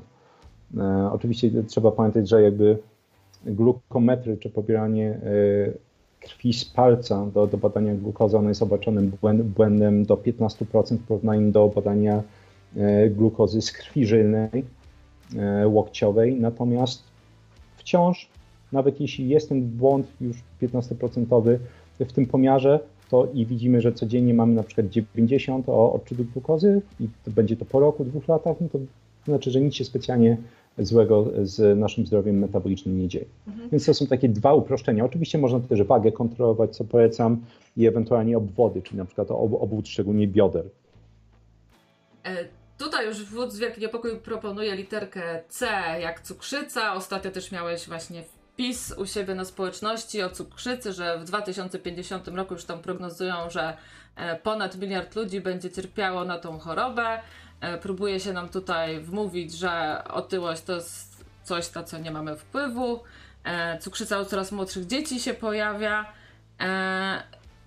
Jak tutaj widzisz nasze możliwości, żeby do tej cukrzycy, insulinooporności nie doprowadzić?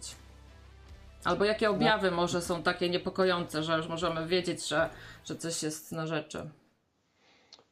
Jest, jest, jest parę prostych sposobów, jak do tego nie doprowadzić. E, pierwszy to jest posty.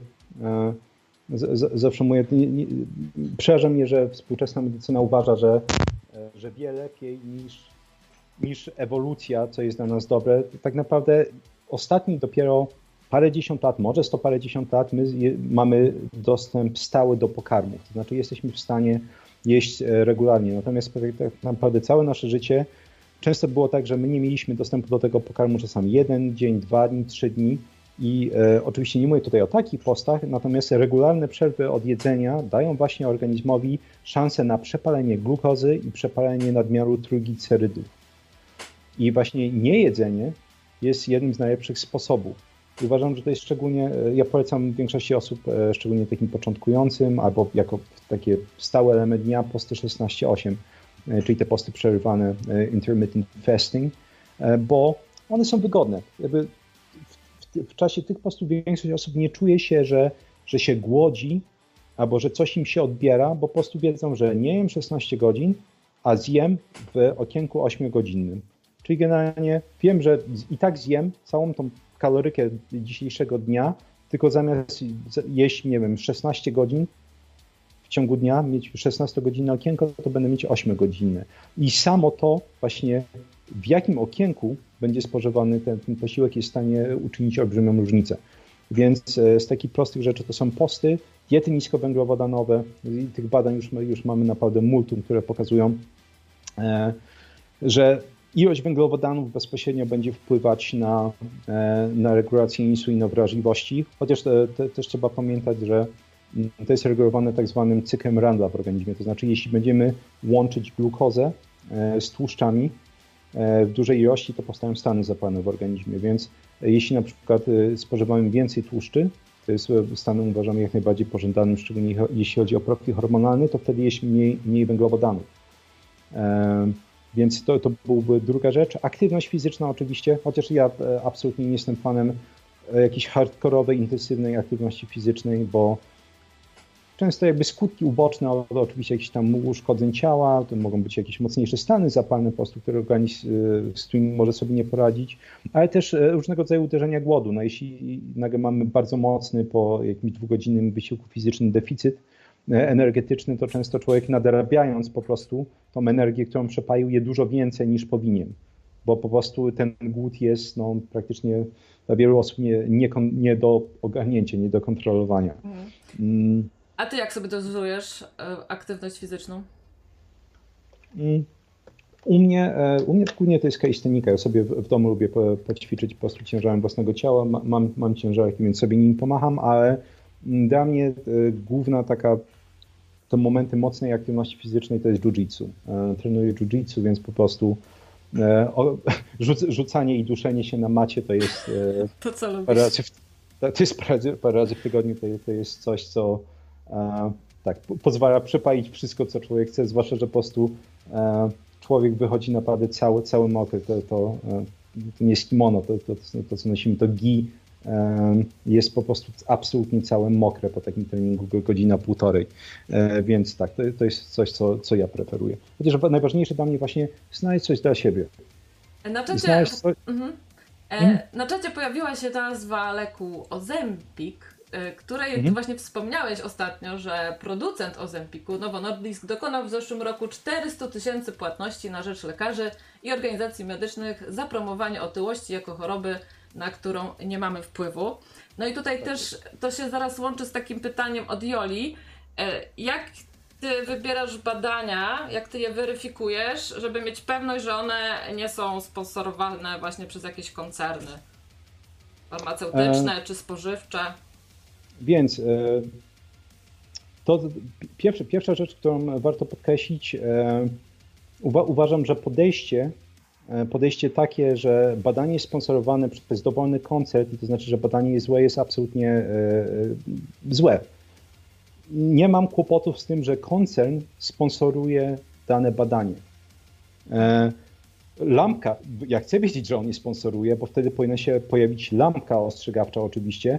Natomiast paradoksalnie ta otwartość, że my wiemy, że po prostu koncern sponsoruje badanie, czy dana instytucja, czy jakiś związek, e, daje pewną dozę otwartości. Dużo bym powiedział bardziej szemrane jest to, jeśli naukowcy Mhm. Naukowcy, gdzieś tam na końcu zawsze jest sekcja konflikt interesu.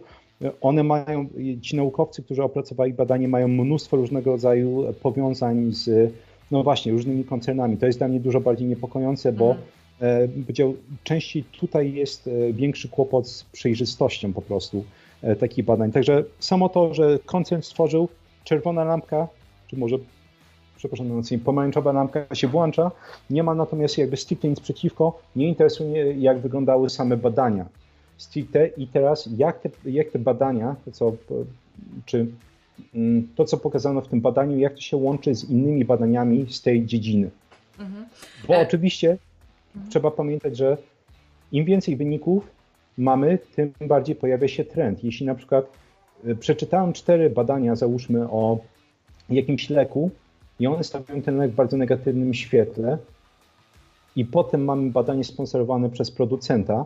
Jeszcze raz, nie mam nic przeciwko, ale okazuje się, że w tym, bada w tym badaniu e, lek ten wygląda świetnie, no to ja mam po prostu obserwację skrajną tak zwaną, tak? czyli outlier, że mam z pięciu badań, cztery pokazują, że, że lek jest do dupy, a jedno pokazanie, że, pokazuje, że jest cudny i jest sponsorowany to, to jest coś, co już ta, ta lampka już nie jest pomarańczowa, jest z całą pewnością e, czerwona. Natomiast jakby wolę patrzeć na badania, patrząc na merytorykę badań, samo, same podejścia e, badawcze, e, niż na, właśnie przez to, że badanie automatycznie idzie do kosza, bo jakaś instytucja czy, czy koncern sponsorował je. Ktoś musi płacić za badania, nie możemy o tym zapominać.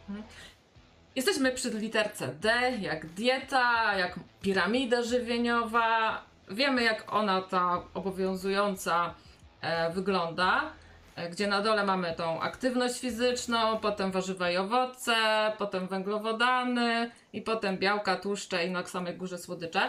E, co mhm. ty sądzisz o tej piramidzie? Jak by wyglądała piramida żywieniowa stworzona przez ciebie? Czy każdy ma swoją? Nie, no to, to jest jak ta piramida działa, to, to wystarczy się rozejrzeć po, po społeczeństwie. Do, do właśnie pod tym wpisem społeczności o, o, o tych projekcjach, że do 2030 będziemy mieć 1,3 miliarda osób z cukrzycą na całym świecie. E, jakaś pani napisała, że właśnie siedzi, siedzi na polskiej plaży i jak się rozgląda, właśnie wszędzie gofry, oczywiście lody i tak dalej, nie mówiąc o tym, jak, jak ludzie wyglądają. E, wydaje mi się, że to jest właśnie świetny pokaz tego, no, gdzie, gdzie ta piramida nas prowadzi? Uważam, że ta piramida to jest jedno z największych nieporozumień po prostu e, e, zdrowotnych e, i może być praktycznie dowolny kraj, w którym ta piramida e, została wdrożona, czy, czy była promowana przez różnego rodzaju instytucje, czy to, czy to po prostu państwowe, czy jakieś inne publiczne, no kończy, kończy się to źle. E, zawsze przytaczam statystyki że w Polsce mamy obecnie 2,5 miliarda, 2,5 miliarda, 2,5 miliona e, osób z cukrzycą i około 1,5 miliona osób e, w stanie e, przedcukrzycowym. Czyli jeśli wykluczymy sobie dzieci z tej, z tej naszej puli obywateli, to nagle się okazuje, że no, paręnaście procent społeczeństwa już ma kłopoty metaboliczne, mhm. mocne kłopoty metaboliczne. I dla mnie e, z punktu widzenia, bo to, że wydaje mi się, że warto zrozumieć mój, mój punkt widzenia. Ja zapamiętuję. Ja po prostu ja nie czytam badań, ja zapamiętuję wszystko, każdy mechanizm, wszystko, wszystko, co mi podejdzie pod rękę i uważam za wartościowe, zapamiętuję, e, bo uważam, że e, i to nie podlega dyskusji, żeby było jasne, nie mam myślenia krytycznego bez dużej bazy informacji. Bo myślenie krytyczne e, będzie polegać często na tym, że jeśli usłyszymy jakąś informację, czy ktoś podaje nam informację jako fakt, to możemy chwycić tą informację mentalnie i przyrównać do tego, co mamy w głowie. Jeśli ja mam w głowie, mnóstwo tych informacji, to mogę po prostu bardzo łatwo stwierdzić, ok, jest to potencjalnie prawdziwe, albo jest prawdziwe, albo jest błędne, albo w zasadzie hmm, na podstawie tego, co mam w głowie, nie jestem w stanie stwierdzić prawdziwości tej informacji, muszę poczytać więcej. E, więc te, z mojego punktu widzenia, e, jakby ta, ta piramida to jest e, koszmar. W tej piramidzie jest promowane spożywanie 40 do 60% e, wszystkich kalorii w postaci węglowodanów żeby było jasne, nie ma praktycznie żadnego podparcia po prostu takiego podejścia w badaniach randomizowanych, czy nie epidemiologicznych, że dajemy jakieś ankiety, tylko w badaniach randomizowanych, gdzie mierzymy po prostu jakieś konkretne wyniki końcowe zdrowotne, nie ma żadnego uzasadnienia dawania większej ilości węglowodanów w diecie. Wiemy, że po prostu dawanie większej, e, czy podbicie glukozy przez węglowodany upośledza działanie układu odpornościowego. Wiemy to od, od mniej więcej ponad 50 lat. E, co upośledza też na przykład walkę układu odpornościowego w momencie, w którym ktoś nie tylko ma ciężkie infekcje, czyli lekkie infekcje jak katar, ale również nowotwory. E, wiemy, że na przykład podbicie węglowodanów, kiedy mamy wyrzuty insuliny i ta insulina spada, będą powodować znaczne zwiększanie, przepraszam, znaczne wydzielanie hormonu głodu greiny. Czyli dużo szybciej będziemy mieć napady głodu, jeśli będziemy w każdym posiłku dawać węglowodany. Zamiast to jest taka pęta i to widać jeszcze raz, że po prostu ktoś potrzebuje, dla mnie to jest absurd, że dorosła osoba potrzebuje śniadania, yy, potem drugiego śniadania, potem lunchu, potem obiadu, jeszcze podwieczorek i kolację. To jest, to jest po prostu obłęd. To powiedz, e, co ty dzisiaj jadłeś? E, co ja dzisiaj jadłem? E, trzy kefiry, trzy kefiry jadłem i mniej więcej pół kilograma wołowiny z cheddarem. Mm. I, i, tro, i, i trochę M&M'sów karmelowych. -hmm. No właśnie, jesteśmy też przy D jak dzieci. E, jak twój synek e, się żywi? Jak ty go żywisz? Jak, jak e, żywi go przedszkole, do którego chodzi? Nie, nie, nie słyszałem nigdy o, o przedszkolu ketogenicznym niestety. Ale byś posłał, gdyby było? Ale bym posłał. Um, mm diety, znaczy te, te posiłki, te, oni, oni mają takie typowe, one bardziej bazują na, na właśnie piramidzie warzywka, mhm. ziarna i tak dalej. Natomiast e, nie jestem pewien, czy, czy to jest po prostu kwestia tego, e, że oswoił się z, ty, z tym, jak ja, ja jem, czy, czy, tego, że nie zmuszałem go nigdy do warzyw, na, na przykład warzyw praktycznie w ogóle nie tykam. Dla mnie, dla mnie główną wartością warzyw to jest na przykład jem pomidory czasami, e, bo do mięsa po prostu smakują mi wyśmienicie.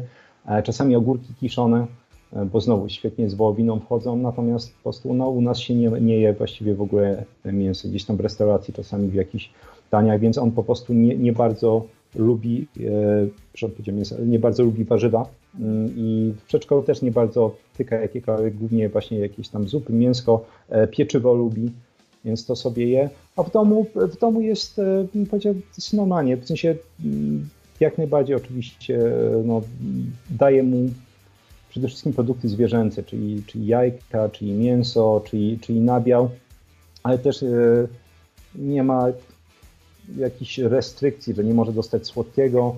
E, płatki na przykład ma Cheerios, jeśli ma ochotę, to sobie raz na jakiś czas może te Cheeriosy zjeść. Mhm. E, ale na przykład, no właśnie, z mlekiem mamy taki fajny sklepik na dole, który ma mleko prosto z gospodarstwa, niepasteryzowane.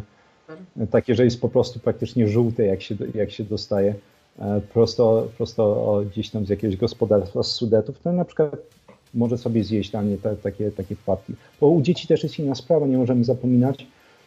E, u nas, u dorosłych osób metabolizm z każdym kolejnym rokiem spada. Dzieci to są po prostu piece metaboliczne. One są w stanie w takim tempie przepadać przez energię, że na przykład dla nich porcja węglowodanów, e, nawet w postaci słodyczy, to nie jest tragedia. Oczywiście tragedią jest, kiedy, kiedy rodzice będą, będą paść takie dziecko non-stop. Od rana do wieczora każda porcja to są węglowodany, potem jeszcze coś słodkiego, to, to jest na pewno, bym powiedział, no, sub, suboptymalne i to mocno suboptymalne podejście do diety. Natomiast mm, też nie mam takiego podejścia, że nie wiem, dziecko nie może zjeść, zjeść czegoś słodkiego czy, czy zakazanego, bo ja sam tak robię i uważam, że to jest jedna z takich rzeczy, która mm, pomaga utrzymywać dietę po prostu. Oczywiście są osoby, jestem zawsze pełen podziwu dla takich osób, które są w stanie e, w ogóle nie tykać, nie wiem, słodyczy, alkoholu, i, i końcem buta by nie dotknęły tego. I to jest fantastyczne, ale dla mnie na przykład ja nie jestem w stanie, e, najczęściej mam oczywiście okresy, gdzie mam takie raczej restrykcyjniejsze podejście, że praktycznie niczego nie tykam z tych zakazanych rzeczy, ale na przykład dla mnie to, że mogę sobie właśnie coś, coś wciamkać, e, zakazanego nazwijmy to raz na jakiś czas, to jest, to jest sprawia, że ogólnie jestem w stanie trwać przy takiej fajnej diecie. Czyli na przykład dzisiaj, e, jeśli by policzyć, nie wiem, węglowodany, e, tych kefirach będzie mniej więcej, nie wiem, 35 gramów węglowodanów, może coś tam, jeszcze parę gram węglowodanów w pasterku sera. Zjadłem trochę M&M'sów, więc mam, nie wiem, może 70 gram węglowodanów spożytych w ciągu dnia. Czyli taka dieta postnisko-węglowodanowa, na której zwyczajnie jestem. I okej. Okay. Mhm. Tak, nie, nie, nie będzie to miało właściwie żadnego wpływu na moje zdrowie. Zwłaszcza, że tak naprawdę u mnie to był jeden posiłek dzisiaj. Te, te pół kilo wołowiny i parę kefirów. Może taki rozwleczony na parę dziesiąt minut, ale był jeden posiłek. Po posiłku zjadłem to M&M'sów i od paru godzin nie jem i prawdopodobnie pierwszy posiłek następnego dnia to będzie 13, 14, może później, jeśli będę mieć pracę albo nie będę mieć ochoty. Mhm. Oprócz e, tej cukrzycy, to też powszechną chorobą jest depresja, tak? która się tam coraz więcej osób na nią cierpi. Jeżeli ktoś widzi u siebie te stany depresyjne, obawia się tej depresji, e, to jak tutaj e, dietą można by zapobiegać? A, to jest to jest e, cholernie ciekawe. Miałem taki wywiad, u, jeśli ktoś chciałby sobie poszukać, u Dawida Straszaka, jego kanał się nazywa Dawid Straszak, podcast charyzmatyczny bodajże i było jak wyleczyć się po covid czy jak wyjść z COVID-u i głównie jakby te, tym tematem tego wywiadu było jak infekcje będą, czyli stany zapalne będą działać na organizm. I tam opisywałem, że Stany zapalne mają to do siebie, że będą pozbawiać nas między innymi serotoniny. I warto właśnie zrozumieć jakby ten mechanizm, bo to, jeśli mamy na przykład stany depresyjne albo różnego rodzaju kłopoty, to często możemy jakby dotrzeć do źródła tych kłopotów. I szybkie wytłumaczenie jest takie, że mamy ten aminokwas, który się nazywa tryptofan, niezbędny aminokwas. On jest we wszystkich produktach zwierzęcych, jest, jest w soi, jest w orzechach, e, w ziarnach różnego rodzaju, jest, jest w mnóstwie produktów i zwierzęcych i odzwierzęcych. I w jelicie tryptofan jest przekształcany w serotoninę. 90% całej serotoniny jest, e, jest zorganizowanej w jelitach. I cała perystaltyka jeit działa właśnie przy pomocy serotoniny. Serotonina przełącza się właśnie do receptorów serotoninu w jelitach, następuje skurcz mięśni gładkich, już nie będę szczegółowo tego opisywać, i ten pokarm jest przepychany dalej do, w stronę wyjścia. E, wiele osób błędnie uważa, że błonnik w ogóle jest do czegoś potrzebny. Serotonina. Serotonina e, i jej przyłączanie do receptorów serotoninowych, szczególnie 5HT3, 5HT4 będzie regulować tą perystaltykę. Ale i tutaj jest, jest świetna jazda biochemiczna. Tryptofan nie będzie w stanie być przekształcany w serotoninę, kiedy są stany zapalne w jej tak, albo w organizmie. Bo wtedy jest, ta, jest taka ścieżka, która się nazywa szakinureninowy, E, która, która będzie zmniejszać konwersję tryptofanu do serotoniny. Czyli sobie, jeśli mamy stany zapalne, to produkcja serotoniny w organizmie będzie dużo, dużo mniejsza. I jakie są efekty uboczne? Mogą się pojawić kłopoty z układem pokarmowym, mogą się pojawić kłopoty z samopoczuciem, nawet z chorobami psychicznymi, to już nie będę opisywać, są metabolity tego szlaku hinureninowego, e, które będą się odkładać w mózgu i one są powiązane między innymi z chorobą dwubiegunową i schizofrenią. E, będą pojawiać się kłopoty ze snem. Czemu? Bo tryptofan jest przekształcany w serotoninę, a serotonina jest przekształcana w melatoninę. I na końcu, z dedykacją dla pań, mamy kłopoty z migrenami, bo ten główny hormon kobiecy, e, estradiol, jak to nazywamy hormon rozrostowy, on na cztery różne sposoby, znowu nie będę, nie będę nikogo zanudzać, jest w stanie e, zwiększać produkcję serotoniny i syntezę serotoniny, utrzymywanie jej między innymi w mózgu. I w momencie, w którym kobieta ma niski poziom estradiolu, to też będzie dodatkowo obniżać pulę serotoniny. A migreny powstają w momencie, w którym e, nerw trójdzielny, to jest taki nerw czaszkowy, będzie wypuszczać jakieś substancje, one się nazywają wazoaktywne, szczególnie taka CGRP i następuje rozszerzenie naczyń krwionośnych. Czyli generalnie w skrócie nerw trójdzielny powoduje przez wydzielanie substancji rozszerzenie naczyń krwionośnych, E, w, w mózgu czyli tak zwaną wazodylację i wtedy powstają ataki migrenowe. A uwaga, serotonina powoduje wazokonstrykcję, więc zwężanie naczyń krwionośnych. I nawet jest taka kategoria leków. Każdy, każda osoba z migrenami, oczywiście to są głównie kobiety, e, kojarzy tryptany. Tryptany oddziaływują właśnie poprzez e, aktywację receptorów serotoniny, żeby powodować wazokonstrykcję i powstrzymywać migreny. Więc to jest taki, taki e, fajny pokaz tego, że stany zapalne i one mogą powstać na wiele sposobów. Nie wiem, oczywiście każda używka, alkohol w większych ilościach, papierosy, narkotyki, kiepska dieta, a, e, stacjonarny tryb życia i tak dalej są w stanie podać te stany zapalne, co będzie zmniejszać produkcję serotoniny. I między innymi, oczywiście serotonina nie jest ostateczną odpowiedzią. Ta serotoninowa teoria depresji jest dosyć dziurawa, natomiast e, bez cienia wątpliwości serotonina jest dosyć ważnym graczem, jeśli chodzi o regulację nastrojów. Więc tutaj, jeśli chodzi o depresję, bym powiedział w pierwszej kolejności zawsze patrzeć właśnie posty, żeby, bo posty bardzo, bardzo mocno łagodzą stany, stany zapalne. Posty, dieta niskowęglowodanowa i ruch. Mhm. Te rzeczy, kontakt ze słońcem, jest, jest mnóstwo po prostu też badań, które pokazują, że nawet takie lekooporne depresje e, są, są w stanie świetnie reagować właśnie na między innymi dietę ketogeniczną. Na przykład też diety ketogeniczne świetnie e, są w stanie, przez to, że są przeciwzapalne, zmniejszać występowanie migren. Jest mnóstwo badań na ten temat. Także takie, takie bym powiedział podejście posty, dieta niskowęglowodanowa, ruch, no to jest świetny sposób, żeby za, albo e, leczyć również depresję, a również kontakt ze słoneczkiem. Jest, jest mhm. fajny kontakt z bliskimi. Mm. Ale gdybyś miał szukać, wiesz, w tych trzech głównych składnikach, mamy węglowodany, białka i tłuszcze, e, to co, co tutaj może nie działać? Bo ja kiedyś słyszałam gdzieś tam na innych kanałach, że depresja to jest przeważnie właśnie niedobór tłuszczy. Za niskie spożycie tłuszczy zwierzęcych. Nie, dep depresja to, nie, to, to, to, nie jest. Znaczy, że, że było jasne, e, w, ta, w, taki, w takich, e, to się nazywa to stwierdzenia redukcjonistyczne, tak? czyli, mhm. czyli na zasadzie e, redukujemy złożone zjawisko do, do jakiegoś jednego czynnika są z założenia bzdurne. Okay. W sensie albo można powiedzieć e, założenia też prawdziwe, czyli tak, na przykład czy serotonina odpowiada za depresję, tak. Czy to jest główna rzecz? No nie, absolutnie nie. Mm -hmm. Tak samo tutaj. E, tłuszcze są, są niezbędne, oczywiście, natomiast to nie jest tak, że, że nie, łatwo jest o jakikolwiek niedobór tłuszczu. Oczywiście, jeśli ktoś jest na przykład na diecie niskotłuszczowej i wysokowęglowodanowej, to bym powiedział, jest to prawdziwe, bo znowu mamy mnóstwo tych badań, mnóstwo już e, na ten moment, e, że osoby, które są na dietach niskotłuszczowych mają dużo, dużo gorszy profil hormonalny. Mhm. I faceci mają dużo niższy poziom testosteronu niż rówieśnicy, którzy są nawet na normalnych dietach, jak pomijam jakieś diety ketogeniczne i tak dalej.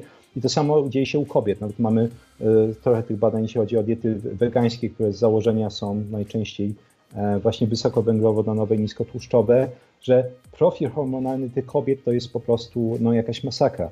A jeśli sobie teraz cofniemy się, e, te parę minut tego, co mówiłem, że niski poziom estradiolu będzie odpowiadać za między innymi regulację serotoniny, to nie, nie jest ciężko sobie wyobrazić, że tak, niskie spożycie tłuszczy może na przykład między innymi poprzez upośledzenie gospodarki hormonalnej doprowadzić e, albo zaostrzyć depresję. Także w tym, w tym sensie bym powiedział, by, byłoby to prawdziwe. Okej, okay, jesteśmy dopiero przy literce E, jak ja tu wymyśliłam, ekologiczna żywność. Już tu mówiłeś, że masz jakiś sklepik, e, gdzie to surowe mleko możesz sobie kupić.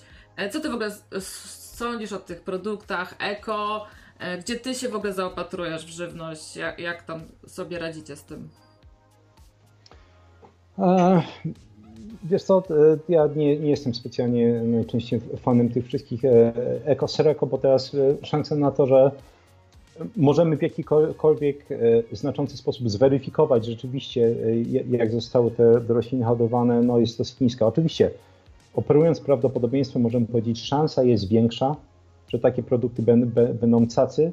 E, natomiast pytanie, czy, czy warto wydawać dużo, dużo więcej pieniędzy, żeby kupować takie rzeczy. Na przykład jeśli chodzi o ten nabiał, tak, ja, ja wiem, dokładnie wiem, z jakiego gospodarstwa to pochodzi i bym powiedział, smak, jeśli już coś, to, to bardziej smak mnie interesuje. Tak samo na przykład e, w Lidlu jest ciekawe, że oni, oni wprowadzili różnego rodzaju poziomy kurczaka, tak, że te, te, ten najdroższy to on jest jakiś już rzeczywiście bez antybiotyków, to tamto, to czuć w smaku. Rzeczywiście, w porównaniu do tych najtańszych kurczaków czuć to w smaku i, i nie mam jakby wtedy też jakby jakichś kłopotów ze stwierdzeniem, hmm, potencjalnie jest to dobre. Natomiast bym powiedział, szczególnie jeśli chodzi o, o, o, warzywa i owoce, jakoś mnie to specjalnie te eko i bio nie przekonuje i ra, raczej bym wolał, jeśli już rzeczywiście bym spożywał takie produkty, e, potencjalnie próbować hodować to, to samemu. Oczywiście wiadomo, wielu z nas żyje w mieście, nie każdy ma możliwości, ale e, jakbym sam hodował, to wtedy rzeczywiście miałbym, miałbym pewność, mógłbym spać spokojnie, ale najczęściej jakby te, te produkty niespecjalnie mnie przekonują. Czyli po prostu mało jesz owoców i warzyw prawie w ogóle. No ale na przykład w takim okresie jak teraz mamy te truskawki. E, to nie kusicie, nie kupujecie, nie jecie? Jak to jest? Nie, wiesz co, ja akurat zawsze byłem tutaj dziwny, znaczy nie licząc jakiś tam, tam jak byłem e, młodszy, bo, bo też, no właśnie, mm, e, moi dziadkowie mieli gospodarstwo sadownicze pod, pod Warszawą. Mm, tych jabłek i owoców w ogóle było mnóstwo, to wtedy jakoś więcej tego jadłem, ale ja po prostu nie przepadam za owocami. Więc szczerze mówiąc, nie jest tak, że mnie praktycznie jakiekolwiek owoce e, kuszą, bym powiedział, jeśli miałbym wybrać między owocami i warzywami, to paradoksalnie bym wybrał warzywa, bo po prostu warzywa przynajmniej wiem, że jestem w stanie z mięsem zjeść, a owoce to jest zawsze mówię, owoce są już tak zhybrydyzowane, e, na przykład wydaje mi się, że wiele osób mogło widzieć gdzieś tam zdjęcia, jak wyglądały te dzikie banany jeszcze parędziesiąt lat temu. No jest mnóstwo po prostu tych ziarenek, te banany są malutkie i w ogóle nie są słodkie. Dzika marchewka, to była parędziesiąt procent mniej słodka niż to, co jest sprzedawane teraz w sklepach. I wszystko to jest po hybrydyzowane oczywiście, żeby zwiększyć e, smaczność tego. Jak można zwiększyć smaczność? Zwiększyć poziom cukru. E, najbardziej mnie rozwala, że e, nawet małpy obecnie w zonie, one nie mogą mieć zbyt dużo bananów, ponieważ były przypadki, że wielu Dostawał cukrzycę. No co? Tak, wielu zo, zok na świecie, że tak, małpy, małpy po prostu karmione tymi, tymi naszymi nowoczesnymi ba, bananami dostawały cukrzycy. Mhm. Mm. Czyli owoce to zagrożenie cukrzycą, a warzywa, tutaj Ola pytała o szczawiany. Ile tego jarmużu można zjeść? Ile tych sałatek surowych? A proszę, jeśli, jeśli, jeśli chodzi o mm, jeśli chodzi o warzywa, które będą posiadać dużo szczawianów, takie właśnie jak nie wiem, szpinak, jarmuż, rabarbar, odradzałbym wszystkim. To są, to są takie kosmiczne ilości szczawianów, nawet w porcji parędziesiąt gram, że mm, dosyć łatwo, szczególnie jeśli ktoś w ogóle ma kiepską dietę, e, o to, żeby te szczawiany, ja, chyba półtorej roku temu nakręcałem filmik e, na ten temat, że jedną z takich form szczawianów są tak zwane rafidy. To są dosłownie ostre jak igła e, kryształki, które są w stanie wbijać się w tkanki e, w ciele i one mogą tam utkwić po prostu i jak to taka igiełka, ona po prostu będzie tam tkwiła i, i będzie powodować e, stany zapalne. Takie lekkie, utajone stany zapalne i dopiero po latach coś z tego może wyniknąć. I szczerze mówiąc, dane jak patrzy się na statystyki, że nagle większość dorosłych, czy może większość to przesada, ale parę dziesiąt procent dorosłych e, cierpi na różnego rodzaju um, kłopoty z nerkami, które pojawiają się po prostu jakieś tajemnicze cysty, jakieś tajemnicze polipy i na zasadzie, hmm, skąd to się bierze? Kiedyś czegoś takiego nie było, natomiast oczywiście od momentu, w którym te produkty rośliny zosta, zaczęły być promowane na potęgę, te kłopoty zaczęły się pojawiać. Też oczywiście różnego rodzaju kłopoty z zestawami. Nawet są, są badania, jeszcze tego na kanale nie omawiałem, które, e, gdzie eksperymentalnie pokazywano, że po prostu zwiększona konsumpcja tych szczawianów e, jest w stanie doprowadzić do stanów zapalnych w piersiach i zwiększać ryzyko raka piersi. Więc dla mnie, no, jeśli już miałbym udzielić odpowiedzi, jeśli ktoś chce to zjeść, to jak najrzadziej i jak najmniej. Mhm. Czyli nie pięć porcji warzyw i owoców dziennie. Skąd się bierze próbowanie takich idei w takim razie? Ja, ja, doszedłem, e, ja doszedłem do e, od mm, bym powiedział takiej pozycji, że nie interesują mnie takie rzeczy, że nie chcę snuć teorii spiskowych do tego, że ewidentnie coś za tym stoi, bo jeszcze raz, patrząc na badania, jeśli ktoś uważa, że istnieją badania, które będą pokazywać, że zwiększanie ilości na przykład porcji owoców albo warzyw będą działać pozytywnie na zdrowie, to byś się srogo rozczaruje, bo takich badań praktycznie nie ma. E, było, było takie fantastyczne badanie, gdzieś tam e, zacząłem e, rozpisywać zarys filmiku na ten temat, gdzie wzięto grupy i mówimy o zdrowych osobach, żeby było jasne, muszę to mocno powiedzieć, mówimy, mówimy o zdrowych osobach. Jeśli mamy osoby już chore metabolicznie, to u, u tych osób każda, dosłownie każda interwencja działa taka osoba zacznie się ruszać, jest lepiej. Taka osoba je więcej warzyw, jest lepiej. Taka osoba je więcej owoców, jest lepiej. Czemu? Bo te po prostu rzeczy, na przykład jak warzywa i owoce, zajmują po prostu e, objętościowo miejsce syfowi, które te osoby jadły wcześniej. Zje się mniej po prostu ciasta, czy ciasteczek różnego rodzaju, czy pizzy, e, więc jak najbardziej u chorób metabolicznych to pomoże. Jeśli ktoś jest zdrowy i uważa, że po prostu jedzenie wielu porcji warzyw czy owoców pomoże, no to mamy takie badania. Najśmieszniejsze było e, dla mnie takie, że mogę się pomylić, jeśli chodzi o liczbę, ale e, zwiększono parokrotnie liczbę porcji warzyw i owoców jednej grupie, bo druga grupa dostawała normalną ilość warzyw i owoców, a drugi zwiększyli tą, te porcje parokrotnie. No i mierzono między innymi markery stanów zapalnych i okazało się, że tak naprawdę nie ma absolutnie żadnej różnicy. Dochodzimy do glutenu, czyli do pieczywka naszego. Tutaj jeden z słuchaczy się zapytywał, czy białe pieczywko, bo takie lekkie, czy lepiej to ciemne. Co ty tutaj radzisz? Jeśli już. Mm. E, ogólnie jak zawsze, e, powiem tak, lepiej po prostu, żeby tego pieczywka e, nie było. To jest, to jest taka moja osobista opinia, nieważne czy jest ciemne, czy jest jasne, czy, czy, czy jest beżowe. Lepiej po prostu tego unikać, bo ja też nawet jak zalecam pacjentom te diety niskowęglowodanowe, to też tłumaczę to w ten sposób. Jeśli zakładając, że będziemy mieć dietę niskowęglowodanową, czyli nie wiem, powiedzmy ktoś będzie jeść 80-100 gramów e, węglowodanów e, dziennie i ktoś na przykład będzie się czuł lepiej, w sensie nie będzie czuł się ograniczony, jak zje kawałek tego ciastka jakiegoś dziennie czy, czy ciasta, to wolę, żeby te węglowodany właśnie wepchnął sobie w to, w to, nie wiem, kawałek tortu, niż po prostu próbował się bawić w zdrowe ryże czy kaszki i y, tym podobne. Natomiast oczywiście jakby te, te e, ciem, ciemne, pełnoziarniste pieczywo e, odżywczo będzie e, lepsze.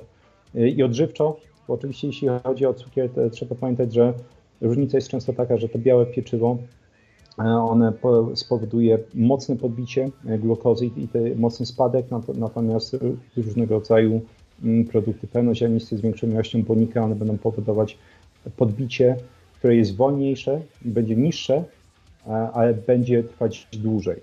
E, ja, ja osobiście wolę, żeby te spadki, czy w ogóle fluktuacje, e, patrząc na badania glukozy i insuliny były, były jak najmniejsze i, i, jak najszybsze, czyli ogólnie, żeby ich nie było, więc ogólnie radziłbym zrezygnować, przynajmniej mieć jeden posiłek w ciągu dnia, nie wiem, jakąś jajecznicę choćby, mm, nie wiem, nie wiem. No właśnie, jesteśmy przy tych jajeczkach. To ile tych jajeczek dziennie można zjeść i jak to na ten nasz cholesterol wpływa? Nie, niech, niech ktoś, niech ludzie jedzą te, je chcą tych jajek. To nie będzie miało specjalnego znaczenia. Kiedy, kiedyś opisywałem, mamy takie, lubię takie skrajne badania. Mieliśmy e, case studies e, jednego faceta, a drugiego był chyba nastolatek, osiemnastolatek, którzy jedli gdzieś tam w okolicy 20 jajek dziennie. Mhm. Mm.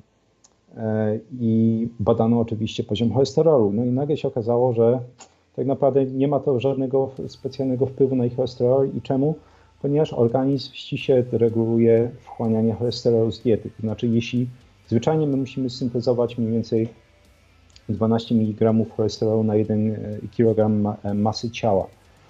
Więc często się podaje tak oczywiście w uproszczeniu, że dorosła osoba musi mieć 1 gram cholesterolu dostarczone e, dziennie. Czyli jeśli dostarczymy 500 mg z jajek, no to my musimy wciąż syntezować 500 mg. Ale co jeśli dostarczymy więcej? No to okazuje się wtedy, że no, organizm zaczyna bardzo mocno ograniczać wchłanianie, czyli zwyczajnie, e, zwyczajnie wchłanianie cholesterolu będzie oscylować e, z pokarmu w, w okolicy 50%, natomiast u tych osób, które właśnie wpychały te parę dziesiąt jajek, ta, pamiętam, że ta synteza, przepraszam, synteza wchłanianie spadło chyba do 10%. Mhm. Także organizm, organizm wie, wie, mm, co robi. Największym kłopotem jest po prostu, jeśli ktoś spożywa mnóstwo tłuszczy, czy na przykład jeśli ktoś by wpychał mnóstwo jajek i jednocześnie mnóstwo węglowodanów, no to jest po prostu bilet do Stanów zapalnych i długofalowo do, do kłopotów. No właśnie, wracamy tutaj do tego pieczywka, bo łowca głów się pyta, ale co mu dokładnie grozi, jak on będzie jadł to pieczywo, bo on je codziennie bochen chleba, ale na razie jest zdrowy. Szczerze mówiąc, dla da mnie zawsze bardzo, bardzo ciężko dyskutuje się z, z jak to się ładnie nazywa, e, anegdoty medyczne. Czyli, mm, Czyli na przykład czasami ktoś mi tam na kanale wpada, e, nie wiem, z, z vegetarian czy vegan i, i mnie wyzywa od i mówi, że no tak, a ja jem tak i, i wszystko jest ok. Po pierwsze, mam nadzieję, że w takim razie będzie tak jak najdłużej. Natomiast co grozi, nie mam pojęcia, bo trzeba, trzeba podkreślić, że udzielono mi jednej jednostki informacji, zakładając jeszcze, że ona jest w pełni prawdziwa, że to jest codziennie bochenek chleba. Pytanie, co jeszcze je taka osoba? Czy ja, jak ja mogę ocenić e, wpływ jednego elementu diety na, na czyjeś zdrowie? Ja nie wiem, jaka jest aktywność fizyczna. Ja nie wiem, jaka jest suplementacja takiej osoby. Nie wiem, jaki jest poziom stresu u takiej osoby. Więc dla, dla mnie, ja rozumiem, że y, często ktoś próbuje na przykład, jakby to powiedzieć, kontrowersyjnie podejść, że ja na przykład robię zupełnie coś innego niż ty i, i, i nic mi nie jest. E, nie wykluczone, że tak jest, ale trzeba pamiętać, a nie da się ocenić przez pryzmat jednego czy dwóch mm. czynników tego, a jakby to ewentualnie, chyba żeby to były czynniki skrajne, że ktoś mówi, że nie wiem, pół litra e, wódki wali dziennie, to wtedy oczywiście możemy powiedzieć, natomiast przez pryzmat jednego czy, czy, czy dwóch elementów diety nie da się ocenić po prostu, czy będą, będą jakieś kłopoty. Mhm. To może teraz o podstawie mojej diety, czyli o kawie. E, mhm. Mówi, że można kawę spokojnie pić na pusty żołądek, ale ja się z ciebie chciałam zapytać, ale ile tych kaw można wypić na pusty żołądek? 3-4 są ok? Hmm, e, teoretycznie gdzieś, gdzieś tam te, te, szacunki wielu organizacji jest, jest takie, to nie jest oczywiście kwestia kaw, tak? tylko to jest kwestia ko kofeiny. I e, w zależności od tego, której organizacji mielibyśmy się słuchać, to mm, to spożycie kofeiny nie powinno być większe niż 200 do 250 mg e, kofeiny dziennie. Czyli tak naprawdę to będzie zależało od tego, ile będziemy spożywać kofeiny w jednej porcji, w takim jednej, nie wiem, filiżance czy, czy kubku kawy. Tak, bo oczywiście jedna, dla jednej osoby kawa to jest, nie wiem, jedna łyżeczka kawy rozpuszczalnej, dla innej to będzie, nie wiem, jakaś mała kawka z ekspresu, a dla innej osoby to będą, nie wiem, cztery, cztery e, łyżki e, kawy sypanej. Mm więc raczej bym próbował przeliczać sobie coś takiego na, na kofeinę, jeśli kogoś w ogóle by takie podejście interesowało i w ten sposób do tego podchodzić. Natomiast jeśli chodzi o kawę, nie, nie mam specjalnie nic e, przeciwko temu. E, jeśli chodzi o badania, bo to jest, e, badania są bardzo niejednoznaczne, jeśli chodzi o, o wpływ kawy na mm, organizm na przykład z takich rzeczy, które bym rzeczywiście, mówiliśmy sobie o alkoholu, mm, mm, które bym mógł dać, to rzeczywiście kawa wydaje się mieć, patrząc na badania, działanie te hepatoprotekcyjne, tak? czyli chroni, chroni wątrobę. E, to jest coś, co, do czego bym e, powiedział tak. Natomiast jeśli chodzi o stany zapalne, cholernie mieszanki wrodzą. W niektórych badaniach chodzi, że kawa będzie zwiększać stany zapalne, w niektórych, że będzie zmniejszać. I, i E, dobrym sposobem jest obserwacja samego siebie. Ja na przykład mam lekki rys autoimmunologiczny i zauważyłem, że zaczyna mi, się łuszczyć skóra. To jest ta nadmierna proliferacja skóry mm, jest efektem stanów zapalnych. Czyli zaczyna mi się łuszczyć skóra na przykład przy brwiach, tak jak wiele osób ma na przykład przy atopówce, jeśli piję dużo kawy. To był na przykład jeden z takich powodów, dla których po prostu po wielu latach picia naprawdę mnóstwa kawy spasowałem dosyć mocno w styczniu, e, bo czasami robiły mi się po prostu już tak, takie plamy tej suchej skóry, że nie mogłem sobie z tym dać rady, natomiast absolutnie to znika w momencie, w którym odkładam e, kawę. Albo nawet nie odkładam, zmniejszam e, ilość, więc to jest jedna rzecz, można poobserwować po prostu, jak ta kawa będzie działała na daną osobę. Jeśli ktoś właśnie widzi, nie wiem, właśnie że pojawiają się jakieś przesuszone miejsca na skórze, na przykład skóra zaczyna się przesuszać na, na skórze głowy, ewidentnie po prostu będą powstawać wtedy stany zapalne. Mm, jeśli ktoś nie widzi tego, to szczerze mówiąc, to wcale nie znaczy, że tych stanów zapalnych nie ma. Po prostu ktoś może nie mieć aż takiego rysu autoimmunologicznego, natomiast wykluczone, że po prostu nie ma tego e, kłopotu. Natomiast jeszcze kolejna rzecz, którą warto podkreślić, w większości badań, w których pokazuje się, że ta kawa ma działanie przeciwzapalne, mówimy o świeżej kawie. Po prostu taka fajna, świe, świeże ziarenka, które są. Mhm. Tak. E, I pytanie, czy my jesteśmy w stanie to dostać. E, kiedyś czytałem jakiegoś, nie, nie pamiętam jak to się nazywa ten zawód, tego nazywam w głowie kawomistrz, jakiś tam, tam po prostu mhm. ekspert spraw kawy. E, lata, lata temu to czytałem, który tłumaczył, jak rozpoznać świeżą kawę. I okazuje się, że jest to szalenie łatwe, że po prostu świeża kawa będzie po prostu miała brązowy odcień. Im bardziej kawa jest utleniona, czyli po prostu dostajemy taką gównianą kawę kiepskiej jakości, tym bardziej jest czarna. I, I końcowe stadium to jest po prostu czarna jak piekieł smoła. E, I jeśli ktoś już sobie to zapamięta i będzie śledzić, pójdzie nawet do swojej ulubionej kawiarni, będzie sobie jak tę piankę trochę odkarni i zobaczy kolor kawy, to nagle się okazuje, że 99% wszystkich kaw, które się kupuje, one są po prostu bardzo mocno e, utlenione jak, z ręką na sercu wszystkie kawiarnie, jakieś restauracje, gdziekolwiek nie byłem e, w ciągu ostatnich paru lat, wydaje mi się, że może trzy kawy widziałem z brązowym odcieniem. Niektóre z tych kawiarni to są oczywiście takie, e, też z Wrocławia, e, więc wiesz, te wszystkie nasze etno, te kawiarnie, to wszystko jest takie piękne. W życiu nie dostałem tam normalnej kawy. W sensie takiej, takiej brązowej. Co śmieszne, raz, raz dostałem kiedyś w McDonaldzie. E, jak się zatrzymywaliśmy z rodziną na postu. Wziąłem sobie po prostu tylko dużą kawę i patrzę, Jezu, jak ona jest brązowa. No, bez jaj. E, tutaj mówią, że ten kawomistrz to jest barista, ale tak sobie czy barista to nie jest ten ekspert nie, nie, nie, od, od, zaparzania kawy, a ty chyba myślisz o kimś, kto wypala kawę, tak? Tak, tak. Wypala tak, ziarna. Dzięki wszystkim za podpowiedź, ale nie, nie, nie, baristy mam to słowo w głowie, ale właśnie była jakaś ładna nazwa e, na to, rabarby. Czyli tak naprawdę e, kluczem jest znalezienie po prostu palarni kawy i sobie zamawianie tamtej świeżo palonej, branie jej po prostu na świeżo i kupowanie od palarni kawy. Te palarnie kawy tak. są. Tak, to, jest, to jest dobre pytanie dla słuchaczy, bo ja nie mam na przykład ekspresu do kawy, jestem dosyć e, minimalistą, ja lubię po prostu sobie kupić parzochę, walnąć po prostu to do kubka i, coś takiego, natomiast e, jest wiele osób, które oczywiście no nie wiem, lubi tę całą ceremonię parzenia kawy, ma jakiś ekspres przelewowe. I teraz pytanie na przykład, czy jak kupują ziarna, szczególnie może w jakichś kawiarniach i tak dalej, i same parzą w domu, czy to czy zauważyły, e, że ten odcień rzeczywiście jest brązowy, może, może to by było rozwiązanie, natomiast oczywiście często zanim te ziarna dotrą w ogóle do, do sklepu, e, przejadą pół świata, no to już, już ten proces utleniania e, następuje. Czyli rozwiązaniem jest kupowanie po prostu od palarni, na przykład na Allegro sobie, nie? I wtedy masz datę właśnie wypalania i, i wiesz, że to jest świeżo palona kawa.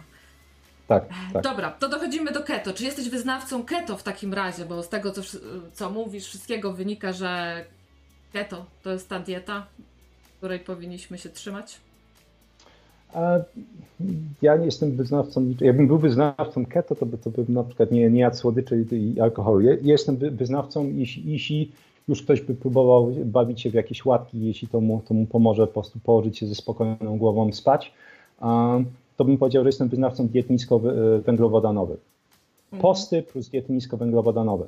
Teraz diet, y, bo takie podejście jest najbardziej ludzkie, bo y, często mówię, że lepsze jest wrogiem dobrego.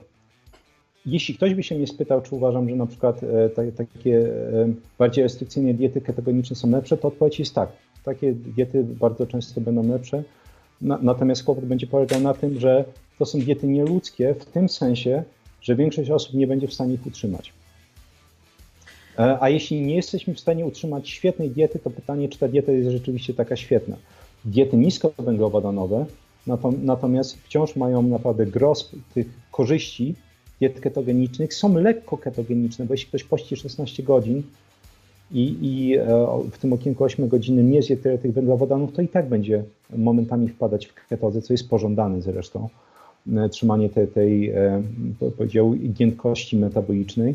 Natomiast nie, ogólnie właśnie bym określił raczej jako, jako wyznawca postów plus diet niskowęglowodanowych, natomiast całym sercem jestem za każdą osobą, która ma tyle dyscypliny, żeby trzymać się diet ketogenicznych, czy nawet e, diet karniwora. Dla mnie to są niestety rzeczy, które nawet jeśli chciałbym je trzymać, to po prostu te, te przyjemności życia mi, mi by to utrudniały. Myślenie o tym, że ja muszę sobie teraz czegoś odmówić. Mm. Jeszcze wracając do kawy, to Furiat zapytuje, czy wrzody i reflux i zgaga powinny dać człowiekowi do myślenia, czy pić kawę na pusty żołądek. No to oczywiście chyba są przeciwwskazania nie? do picia kawy. Nie, no to, to, to, to są bardzo mocne przeciwwskazania. Oczywiście znowu tutaj, tutaj ciężko, ciężko zero-jedynkowo to przedstawić. E, wiadomo, że jednym z największych jakby takich, takich czynników wywołujących te, te wrzody żołądka to, to, będą, to będą stany zapalne w żołądku, które najczęściej są powodowane przez Helicobacter pylori. E, natomiast e, no właśnie, propos tych zaleceń, o których mówiłem, e, diety zwierzęce, czyli na przykład właśnie diety niskowęglowodanowe, bazujące przede wszystkim na produktach zwierzęcych i odzwierzęcych, one będą wysoko białkowe. I teraz białko ma to do siebie, że ono potrzebuje bardzo niskiego pH w żołądku, żeby zostać e, rozłożone na aminokwasy. I na przykład jeden z tych, które wszyscy kojarzą z pepsi, e, pepsyna, jeden z tych enzymów trawiennych, on jest aktywizowany tylko i wyłącznie przy pH równym 1,5 w żołądku. Cholernie niskie i kwasowe pH. I spożywanie większej ilości białka ma to do siebie, że trzyma żołądek zakwaszony bardzo mocno szansa na przykład na e, nie tylko e, infekcję żołądka przez Helicobacter pylori, ale przenikanie jakichkolwiek różnego rodzaju patogenów przez żołądek do błon śluzowych jej i tym samym infekcje jest wtedy dużo, dużo mniejsza. Natomiast jeśli sparujemy to z czym, co robiliśmy całą ewolucję, czyli posty jednocześnie, to posty mają to do siebie, że one z kolei w momencie, w którym pościmy, niczego nie spożywamy, e, to pH będzie ciutko szło w górę, chyba że oczywiście posty są bardzo długie, to zasadowość żołądka będzie się znacznie e, zwiększać, co daje po prostu szansę nabłonkowi żołądka zregenerowania się. To jest naprawdę fantastyczne dla mnie podejście, czyli trzymamy żołądek zakwaszony, co sprzyja wyłuskaniu jak największej ilości składników odżywczych z diety, e, chroni nasz e, układ odpornościowy, ale też to jest, jest tyle tych zależności, na przykład ta niska, przepraszam, wysoka kwasowość żołądka będzie jednocześnie regulować wydzielanie żółci. Czyli na przykład jeśli ktoś je tłusto, to wtedy, wtedy jest więcej żółci bez problemu po prostu wszystko, wszystko jest ładnie e, rozpuszczane. Natomiast w momencie, w którym e, pH żołądka jest bardziej zasadowe i ktoś je tłuszcze, czyli innymi słowy mamy te diety takie typowe, nasze polskie węglowodanowo-tłuszczowe, to żółci nie ma często wystarczająco dużo, żeby na przykład rozpuszczać e,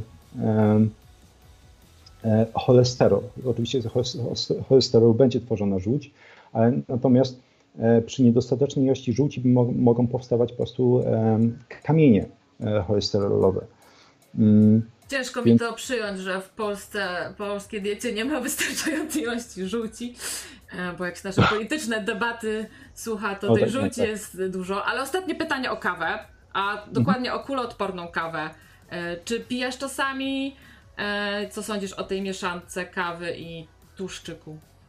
Nie, to jest jedno z największych what jakie w życiu słyszałem. W sensie, e, jeśli, jeśli, ktoś, e, jeśli ktoś ogólnie trzyma, trzyma się takich diet niskowęglowodanowych, czy ketogenicznych i ma posty i tak dalej, tak będzie wpadać w tą ketozę po prostu wrzuc wrzucanie tłuszczu do kawy dla mnie zupełnie mija się z celem. Oczywiście, chyba że nie wiem, ktoś tam będzie jakieś te, te oleje MCT wrzucać, to rzeczywiście no, one są w stanie szybciej po prostu wprowadzić organizm w ketozę, dla mnie mieszanka, mieszanka jest dosyć absurdalna też z tego powodu, że kofeina ma to do siebie, że oczywiście będzie zwiększać wytwarzanie e, czy wyrzuty katecholamin, więc tych hormonów stresu, między innymi kortyzolu.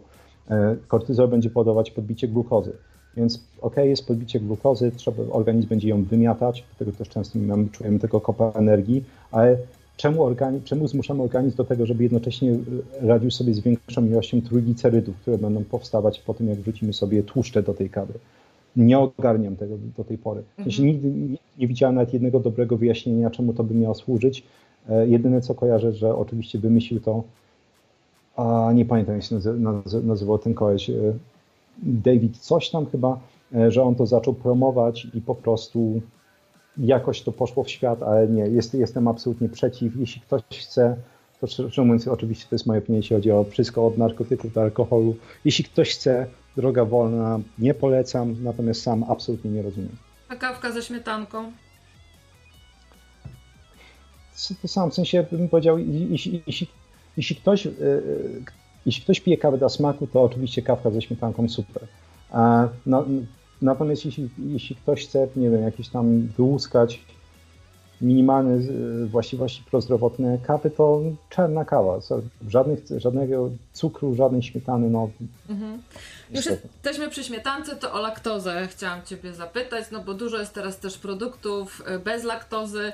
Czy to w ogóle ma sens, że jeżeli jestem zdrowa, nie mam nietolerancji laktozy, żeby kupować y, ser bez laktozy, czy mleko bez laktozy? Nie. Jeśli ktoś ma cierpi na, na nietolerancję laktozy, to oczywiście jak najbardziej e, jest sens. Oczywiście nawet wtedy są, e, bym powiedział, le, lepsze ścieżki, ponieważ laktoza jest, jest cukrem mlekowym. Jak wiemy, bakterie lubią cukier, to można na przykład wtedy kupować e, sery długo dojrzewające. Czyli to jest moment, czyli takie jak Giano Parmigiano choćby, czy Grana Padano, są sery, które w zależności od tego też jaki pułap tego seru, bo są nawet, że tak powiem, kategorie każdego z tych serów, jeśli chodzi o czas do, dojrzewania, one będą dojrzewać tak czy siak od 6 do nawet 20 paru miesięcy. I w tym czasie jakby ca, ca, cała laktoza jest strawiona przez bakterie i dlatego jak sobie ktoś podniesie taki produkt i zobaczy ilość węglowodanów czy cukrów, to pojawia się tam zero. E, I właśnie to zero znaczy też, że nie ma tam absolutnie żadnej laktozy, więc ja już, jeśli ja miałbym kłopot z laktozą, to bym po prostu iść sobie w te lepsze sery, bo nie dość, że są pyszne i zdrowe, to po prostu jeszcze raz nie mają laktozy, więc nie będą podawać kłopotów. Natomiast jeśli ktoś nie ma kłopotów z nietolerancją laktozy, to, to moja odpowiedź jest, nie ma co z tego rezygnować, laktoza ma fajne efekty, na przykład bardzo mocno będzie zwiększać wchłanianie e, magnezu między innymi e, z, z nabiału, więc nie jest to coś, co bym po prostu e, eliminował na siłę. Mhm. To teraz o mięsku. Jakbyś miał taką hierarchię mięsa, gatunków według Ciebie ułożyć, to jakby to było? Po co najlepiej sięgać najczęściej? Dziczyzna, potem wołowina, a drób to e, trochę jak surówka? Co, coś w tym jest. E, e, jeśli, jeśli miałbym jednym słowem odpowiedzieć, to bym powiedział, że Zwierzęta z, z gatunku przeżuwaczy e, to jest ta kategoria, e, który, którą powinno się w pierwszej kolejności e, spożywać. Oczywiście do przeżuwaczy będą należeć między innymi krowy. Więc z takich łatwo dostępnych gatunków mięsa bym powiedział wołowina króluje i chodzi tutaj o specyfikę po prostu układu pokarmowego przeżuwaczy. Nieważne o jakich toksynach różnego rodzaju mówimy, na przykład które też będą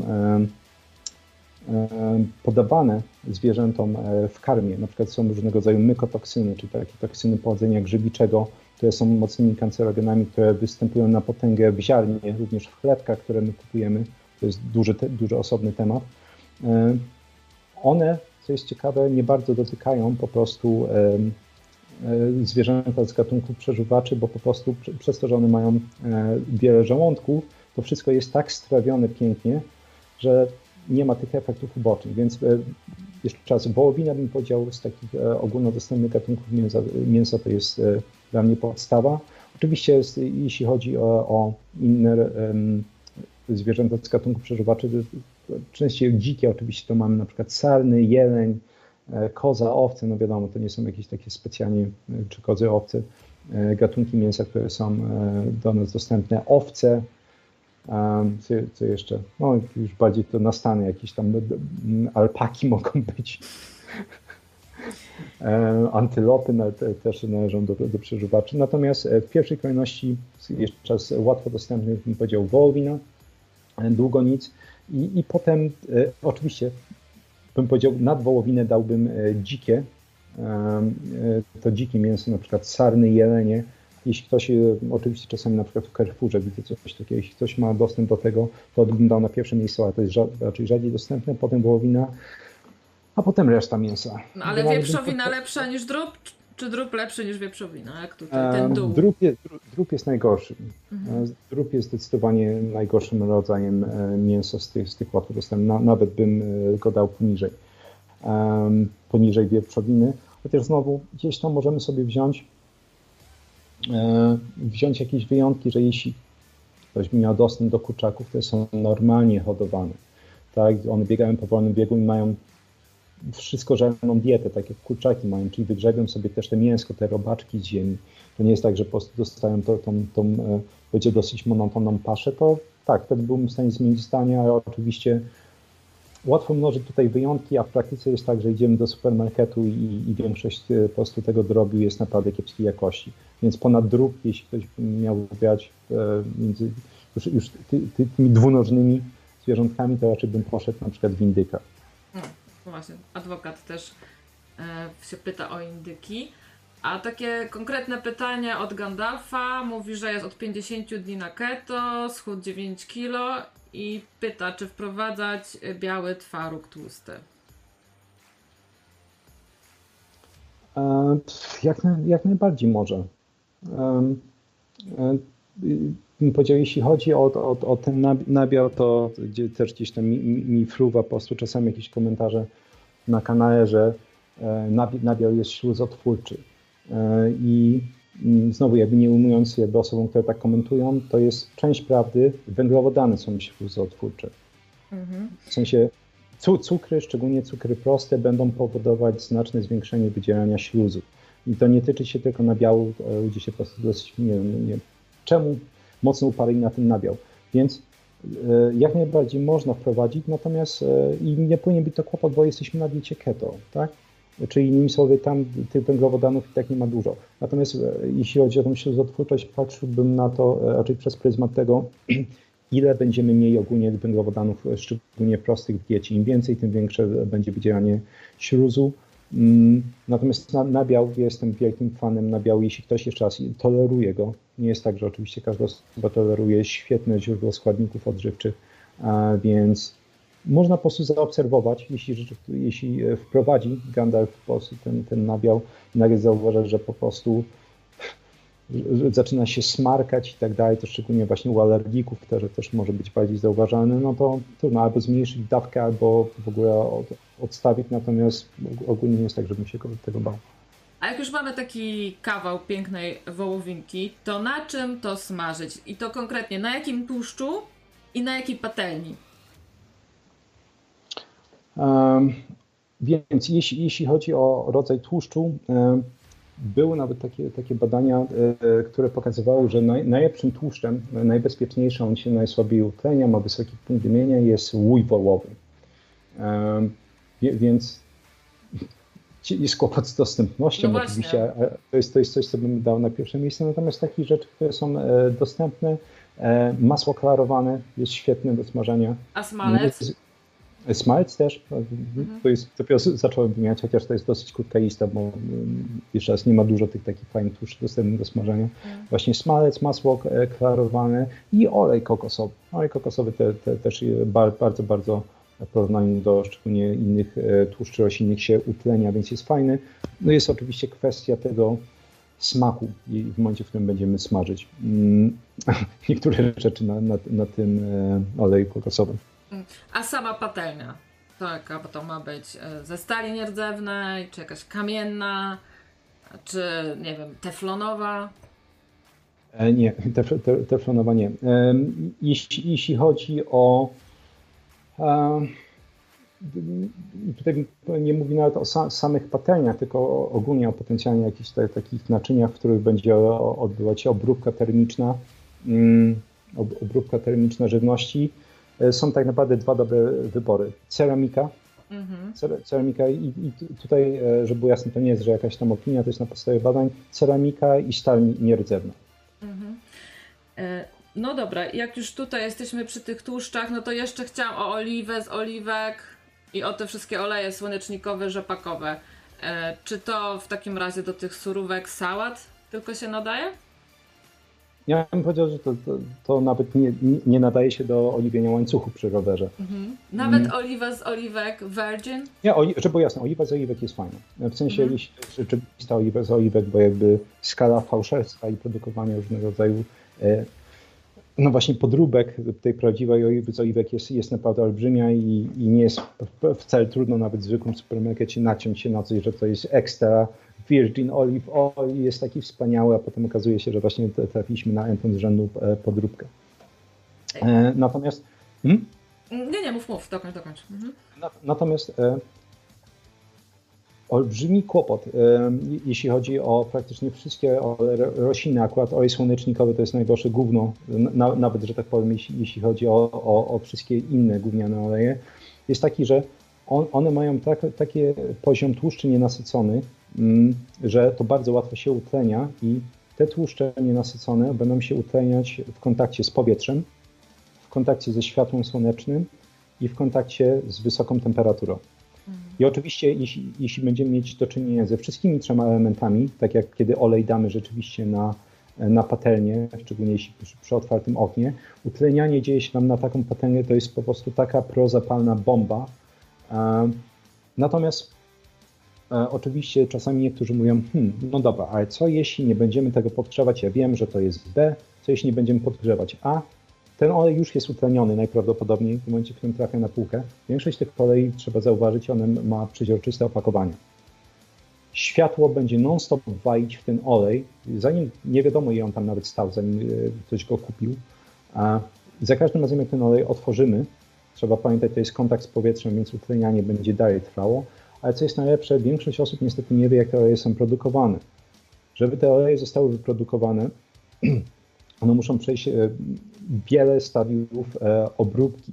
Jedno z tych stadium e, będzie polegało na podgrzewaniu tych olei do mniej więcej 90 do 130 stopniach w paru turach, najczęściej dwie tury. Więc one już są podgrzewane, zanim w ogóle trafią do butelki. Pomijam to, że nie wiemy, jak, jaki jest transport takiego oleju, jaka jest temperatura w magazynie, więc nie, no, jedna z najłatwiejszych rzeczy, które można zrobić dla swojego zdrowia, to jest właśnie spasowanie, wyrzucenie w ogóle e, takich olei e, roślinnych z diety. Oliwa z oliwek jest jak najbardziej ok, to jest, to tam są głównie tłuszcze nie nienasycone, tylko mononasycone, więc wciąż nie używałbym absolutnie tego do smażenia, ale jest jak najbardziej ok, jeśli chodzi o, o używanie na zimno. I oczywiście wszystkie takie oleje czy, czy tłuszcze wciąż warto przechowywać w lodówce, bo ta niska temperatura będzie spowalniać e, ten proces e, utleniania, czyli oksydacji, który i tak będzie następować. Czyli Nawet oliwę taki... z oliwek też w lodówce trzymać? Jak najbardziej. Okej. Okay. A jak ktoś chce ze swojego życia nikotynę wyrzucić, to czy przy rzucaniu palenia warto się czymś suplementować? Bo ostatnio taki filmik oglądałam, taki doktor Eric Berg, e, że on sugerował, żeby terozynę albo fenyloalaninę sobie właśnie zapodać żeby trochę sobie nastrój hmm. poprawić, obniżyć apetyt. Jak co ty o tym sądzisz? E, bym powiedział, zależy od osoby. Po pierwsze, e, praktycznie do, do, dowolna metoda wsparcia e, rzucania tytoniu będzie, będzie lepsza niż, niż jakby samopalenie. To jakby o, o, je, o je można jakoś sympatyzować z alkoholem, to bardzo ciężko jest sympatyzować w jakikolwiek sposób z papierosami, mm. ponieważ nie, nie da się, jeśli miałbym powiedzieć jedną pozytywną rzecz, która i tak jest przyćmiona prze, przez setki negatywnych, to jest palenie papierosów przyspiesza metabolizm. E, widziałem różnego rodzaju wyliczenia, one się różnią od badań, ale że średnio palacze, którzy walą mniej więcej paczkę papierosów dziennie, e, będą w stanie e, spalić 150 do 200 kilokalorii dziennie. Dlatego też no właśnie, porzuceniu palenia wiele osób przytyje i to nie dlatego tylko, że oczywiście jakby tracą ten element, który zwiększał metabolizm, ale dodatkowo też e, starają się po prostu ten high dopaminowy e, i serotoninowy imitować jedzeniem, czyli różnego rodzaju po prostu świństwa w siebie e, wciskają. Natomiast tak, e, takie, takie związki jak beta-alanina na przykład, czy, czy też e, między tryptofan, czyli ta, Boże, przepraszam, nie, nie, nie tryptofan, e, tylko witamina B3 są, są, patrząc na badania, w jakimś tam niewielkim stopniu w stanie wspomóc te, ten proces e, rzucania i to nie, tylko tytoniu, tylko nałogów. Natomiast, żeby jasne, to nie są jakieś, nie, nie, wiem, nie wiem co on tam mówi, on, on ma, bym powiedział, taką manierę spłucania wszystkiego, że wszystko jest zero-jedynkowe, wszystko albo pomaga, bo nie, to nie są, to nie są absolutnie duże efekty. Mhm. E, a powiedz mi, czy ty miałeś jakichś takich klientów, pacjentów swoich, którzy też mieli rzucić palenie? E, nie. Szczerze mówiąc, e, mimo że tych pacjentów miałem mnóstwo, nie miałem nigdy osoby, która próbowała e, rzucić mhm. palenie. Nie, nie. No to jak palenie, to od razu przechodzimy do nowotworów. Często się słyszy o takich dietach sokowych, dieta dr Budwig, która bazuje na oleju lnianym, które właśnie są dla tych osób chorych na nowotwory zalecane. Co ty o tym sądzisz? Znaczy no, są zalecane, natomiast e, jakby pierwsze, mm, pierwsza myśl, która się powinna włączyć do wolnej osoby, to jest e, poza zaleceniami, czy istnieją badania kliniczne, które pokazują skuteczność takiego podejścia. Mhm. I szczerze mówiąc, ja nie kojarzę takich e, diet. Jeśli, jeśli chodzi o, o podejście mm, do leczenia nowotworów, to szalenie efektywne będzie wycinanie węglowodanów. Sam byłem zatrudniany E, do paru pacjentów nowotworowych, e, poza, poza jednym przypadkiem, e, bo niestety był to taki przypadek, że mm, nie poinformowano mnie, że kobiecie odmówi, właściwie już odsyłano ją do hospicjum, wszyscy lekarze odmówili terapii, bo, bo były przerzuty, to był rak płuc niedrobnokomórkowy, to poza nią, chociaż u niej też udało się wiele, miesięcy wydłużyć jej życie, to e, pacjenci no, zdrowiej. Oczywiście e, nie mówię tutaj tego w tym sensie, że nie było terapii konwencjonalnych, ale jakby wycięcie węglowodanów między nimi drastycznie jest w stanie e, zwiększyć reakcję immunologiczną organizmu. Jeszcze raz, dla mnie, jeśli ktoś temu przeczy, to jest absolutny znak, że nie zna żadnych badań z tej dziedziny, bo jeszcze raz jakby pierwszy raz pokazano jakieś ponad 50 lat temu, że nawet poziom cukru podwyższony do 120, czyli naprawdę nie jest wielkie podbicie, jest w stanie obniżyć poziom fagocytozy o 50%. A oczywiście sobie wyobraźmy dietę przeciętnego Polaka, 5 posiłków węglowodanowych, to jest jeden wielki coaster e, insulinowo-glukozowy, organizm dobrze nie funkcjonuje. Więc nie to, nie, to nie są podejścia, które bym zalecał, już pomijając to, że pytanie, jak, jak, e, że nie dość, że chcemy aktywizować układ odpornościowy, to jest jedno e, i to jest można łatwo osiągnąć między innymi wycinając węglowodany i cukry, to druga część podejścia to jest, że musimy zapewnić takiej osobie dostateczną podaż składników odżywczych.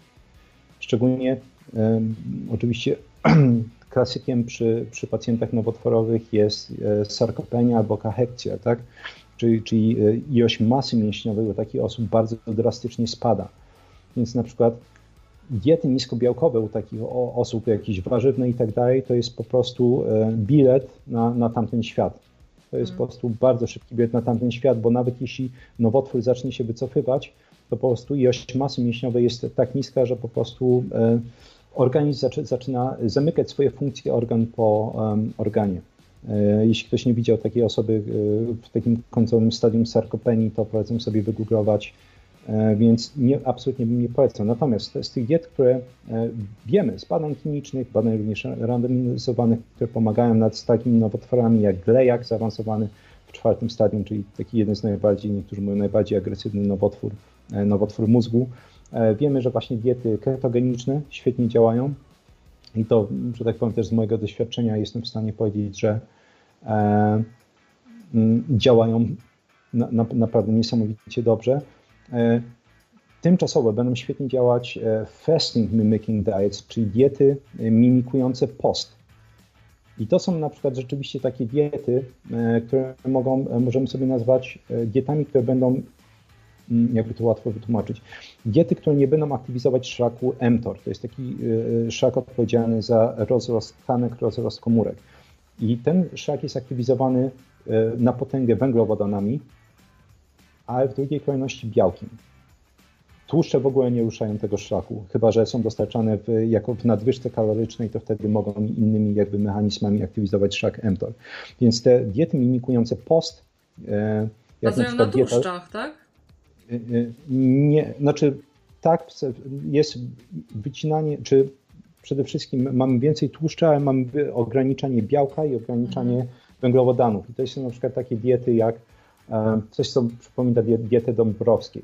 Czyli na przykład mamy mnóstwo warzyw, które oczywiście tam są węglowodany, ale tych węglowodanów jest bardzo mało e, i też mają na tyle dużo błonnika, że wyrzuty glukozy są niskie, jest bardzo mało białka i właśnie takie diety rzeczywiście mimikują post, bo podczas postu mTOR jest wyciszany. Aktywizacja tego szaku mTOR jest właściwie zerowa podczas e, postów i dlatego te diety mimikujące post są w stanie fajnie działać. I swoją drogą właśnie pomijając dietę, e, mm, można by się pochylić nad postami, bo są, e, znowu to jest taki szalenie interesujący i długi temat. Posty to nie jest tylko po prostu niedostarczanie jedzenia. Mm, jakby posty ma, mają dziesiątki różnego rodzaju e, efektów pozytywnych na ciało. Jeden z takich efektów to jest zwiększanie odporności komórek na stres.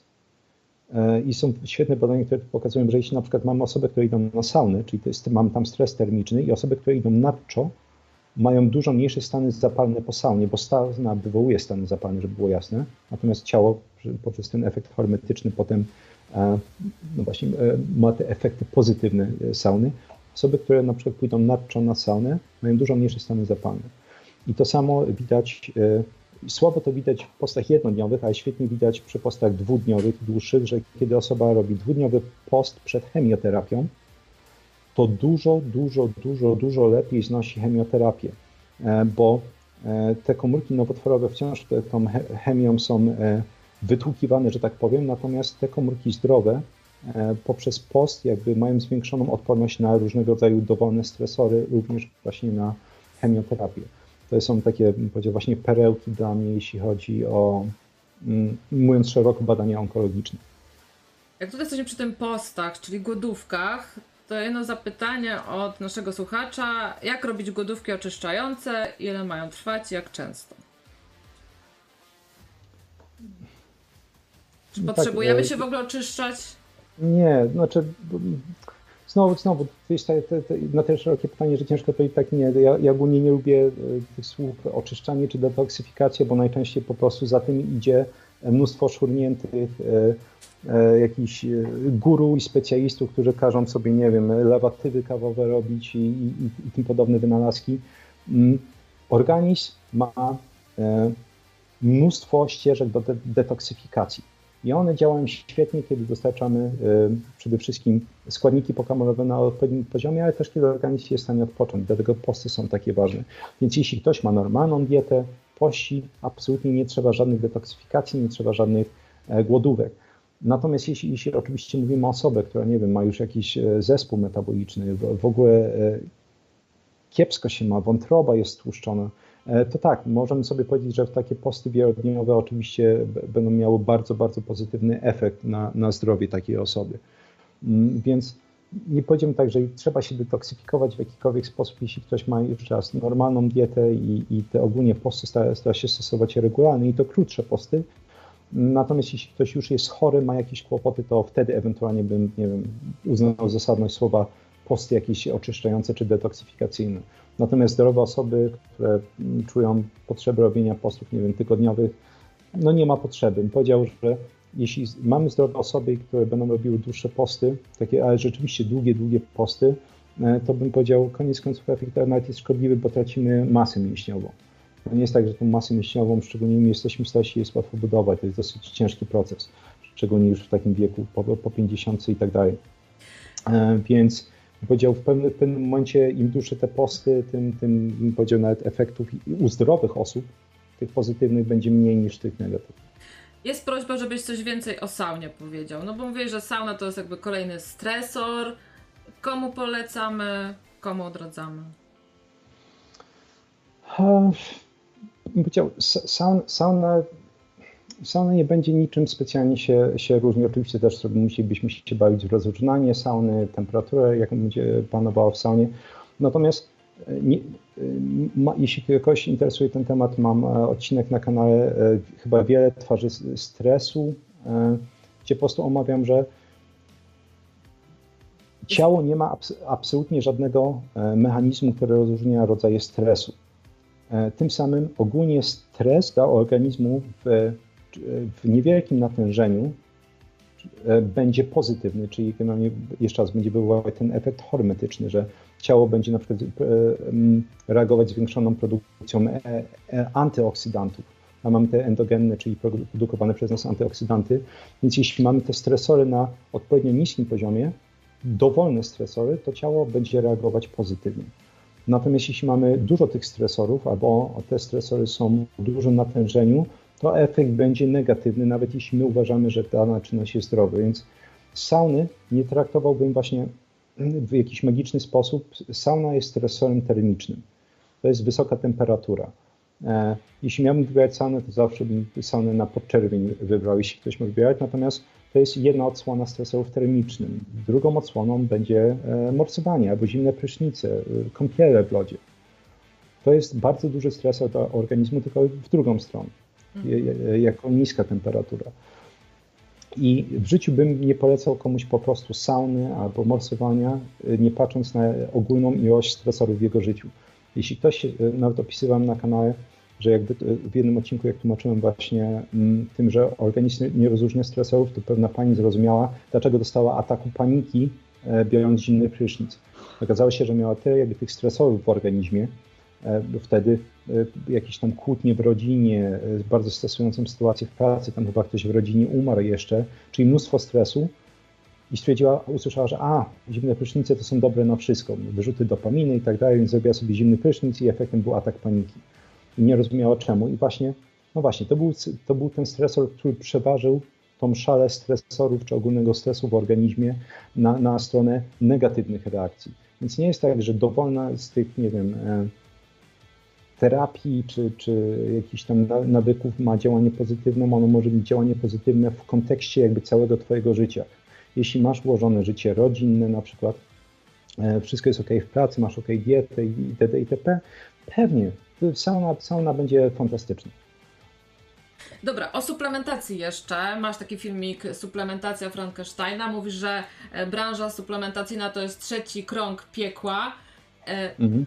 Czy, czy suplementować się tą witaminą D, e, czy jakimiś, nie wiem, kwasami omega-3, czy, czy lepiej nic do tego nie dodawać? Jakie masz tutaj podejście? Mm, jeśli chodzi o, o, o suplementy, które bym mógł polecić praktycznie każdemu, wiedząc, że ktoś sobie nie zrobi krzywdy, to byłyby właściwie trzy mhm. suplementy, zaraz je wymienię. Natomiast o, o, ogólnie e, i wiem, że no, wie, wiele osób reaguje na, na, te słowa negatywnie, ale większość osób nie ma zielonego pojęcia, co robi e, suplementacyjnie. Poczynając od olei, różnego rodzaju substancje, które gdzieś tam ktoś poleca na kanale. Większość osób naprawdę nie ma zielonego pojęcia, co to przyprawy, właśnie takie jak kurkuma, e, czy ten składnik aktywny kurkumina. Naprawdę większość osób nie ma zielonego pojęcia, jak te rzeczy działają i usłyszało coś dobrego, nie wiedząc jednocześnie, że każdy suplement, każdy ma i pozytywne, i negatywne strony. Więc teraz pytanie po prostu, czy dana osoba wie, jak ten suplement, czy ten suplement jest dobrze dopasowany do jego stanu zdrowia, innych suplementacji, rzeczy, które je, trybu życia itd. itp. No i niestety, ponieważ to jest ta wiedza na tyle złożona i wymaga tyle czasu jej zdobycie, że no, wiele osób sobie może tam suplementacją zrobić krzywdę i stąd jakby był ten filmik Suplementacja Frankensteina. Mhm. Że większość osób gdzieś tam z poleceń z jakiegoś kanału usłyszało właśnie w wywiadzie, że albo przeczytało, że ten, jeśli jest ta dieta Budwiga i on tam daje mnóstwo tego oleju, to trzeba tego mnóstwo. I, i tak właśnie ze zalepków różnego rodzaju, jakichś strzępków informacji usłyszanych w różnych miejscach człowiek sobie tworzy suplementację. Mm, to, co ja bym polecał, to jest e, suplementacja witaminą D3 w naszej strefie klimatycznej oczywiście. Um, I e, A ile tych jednostek? E, naj, najłatwiejsze uproszczenie mm. i jest to wciąż uproszczenie, bo, żeby było jasne, mm, aktywizacja e, witaminy e, D do tej formy aktywnej, czyli kalcitrolu, e, ona będzie trwała mniej więcej 21 dni i ona będzie wymagała dwóch procesów hydroksylacji, które odbywają się w nerkach i wątrobie.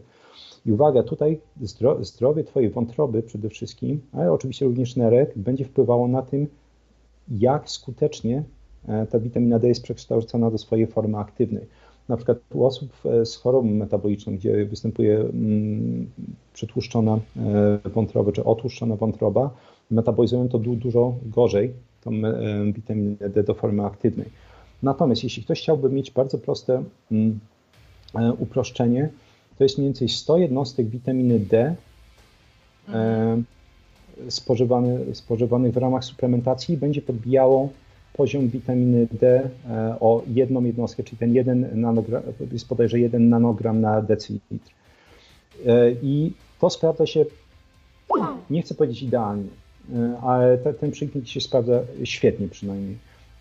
Ja na przykład mierzyłem sobie nie tak dawno, ten mój poziom witaminy D wynosi bodajże 73, a suplementuję 8000 jednostek dziennie. Mhm. Oczywiście, żeby było jasne, zdarzają się dni, kiedy po prostu człowiekowi się nie chce brać tych supi albo zapomniał, bo było dużo pracy. Natomiast e, bym powiedział, no u większości osób, jeśli sobie przeliczą, to, to, to będzie się naprawdę świetnie sprawdzać. Natomiast też trzeba pamiętać, że trzeba wziąć ekspozycję na słońce pod uwagę. Ja nienawidzę słońca, nie wychodzę na słońce w lecie, jeśli nie muszę, a jak wychodzę, to wyglądam jak beduin po prostu że, że, żeby mnie nie sparzyło, bo się czuję niekomfortowo na słońcu. Natomiast jeśli ktoś oczywiście mnóstwo na słońcu przebywa w lecie, no to można zmniejszyć tą suplementację, bo nawet na to sobie e, darować, ale też znowu długi temat. E, sam poziom witaminy D powinien być dostosowany potencjalnie do czegoś stanu zdrowia i innych kłopotów, na przykład przy stanach e, czy chorobach, szczególnie autoimmunologicznych, ten poziom witaminy D wyższy jest pożądany. Natomiast u osób, które nie mają kłopotów autoimmunologicznych, wcale nie trzeba utrzymywać aż tak bardzo wysokiego poziomu. Na przykład ja mam, tak jak mówiłem, lekki rys autoimmunologiczny, więc wolę utrzymywać e, witaminę D na poziomie mniej więcej 70-80. To jest dla mnie taki, e, dla mnie złoty środek. Mm, więc mamy e, witaminę D, magnez.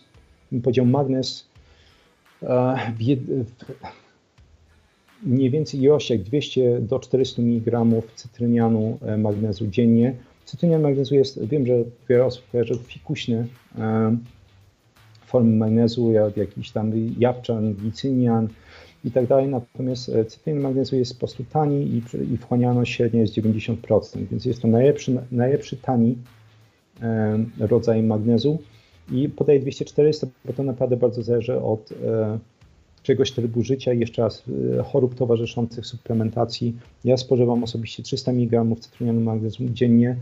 E, pomaga regulować ciśnienie, gospodarkę cukrową, poziom stresu. E, magnez będzie e, potrzebny do rozkładu m.in. hormonów stresu, czyli jeśli ktoś ma szczególnie dużo stresu w życiu, czyli na przykład stres pracy, stres w rodzinie, ale też na przykład stres chemiczny, czyli picie kawy dużych ilościach, naprawdę warto rozważyć. Ja na przykład zacząłem, już mi się, się mylą te daty, chyba 6-7 lat temu suplementować w takiej ilości i jak tkanki się wysyciły, to pamiętam, że e, zacząłem zasypiać po prostu jak dziecko, że nawet jak byłem czasami taki zmęczony i wypiłem dużo tych kaw, e, mimo że kończyłem picie wcześniej, na przykład o 13, żeby się zdążyły zmetabolizować, żeby e, te stężenie kofeiny w organizmie, jak szedłem spać, nie było wysokie, to wciąż to zasypianie było dosyć powolne. Natomiast jak zacząłem suplementować magnez, to pamiętam, że po prostu zacząłem odpływać dosłownie w minutę, dwie, jak byłem zmęczony, jak małe dziecko.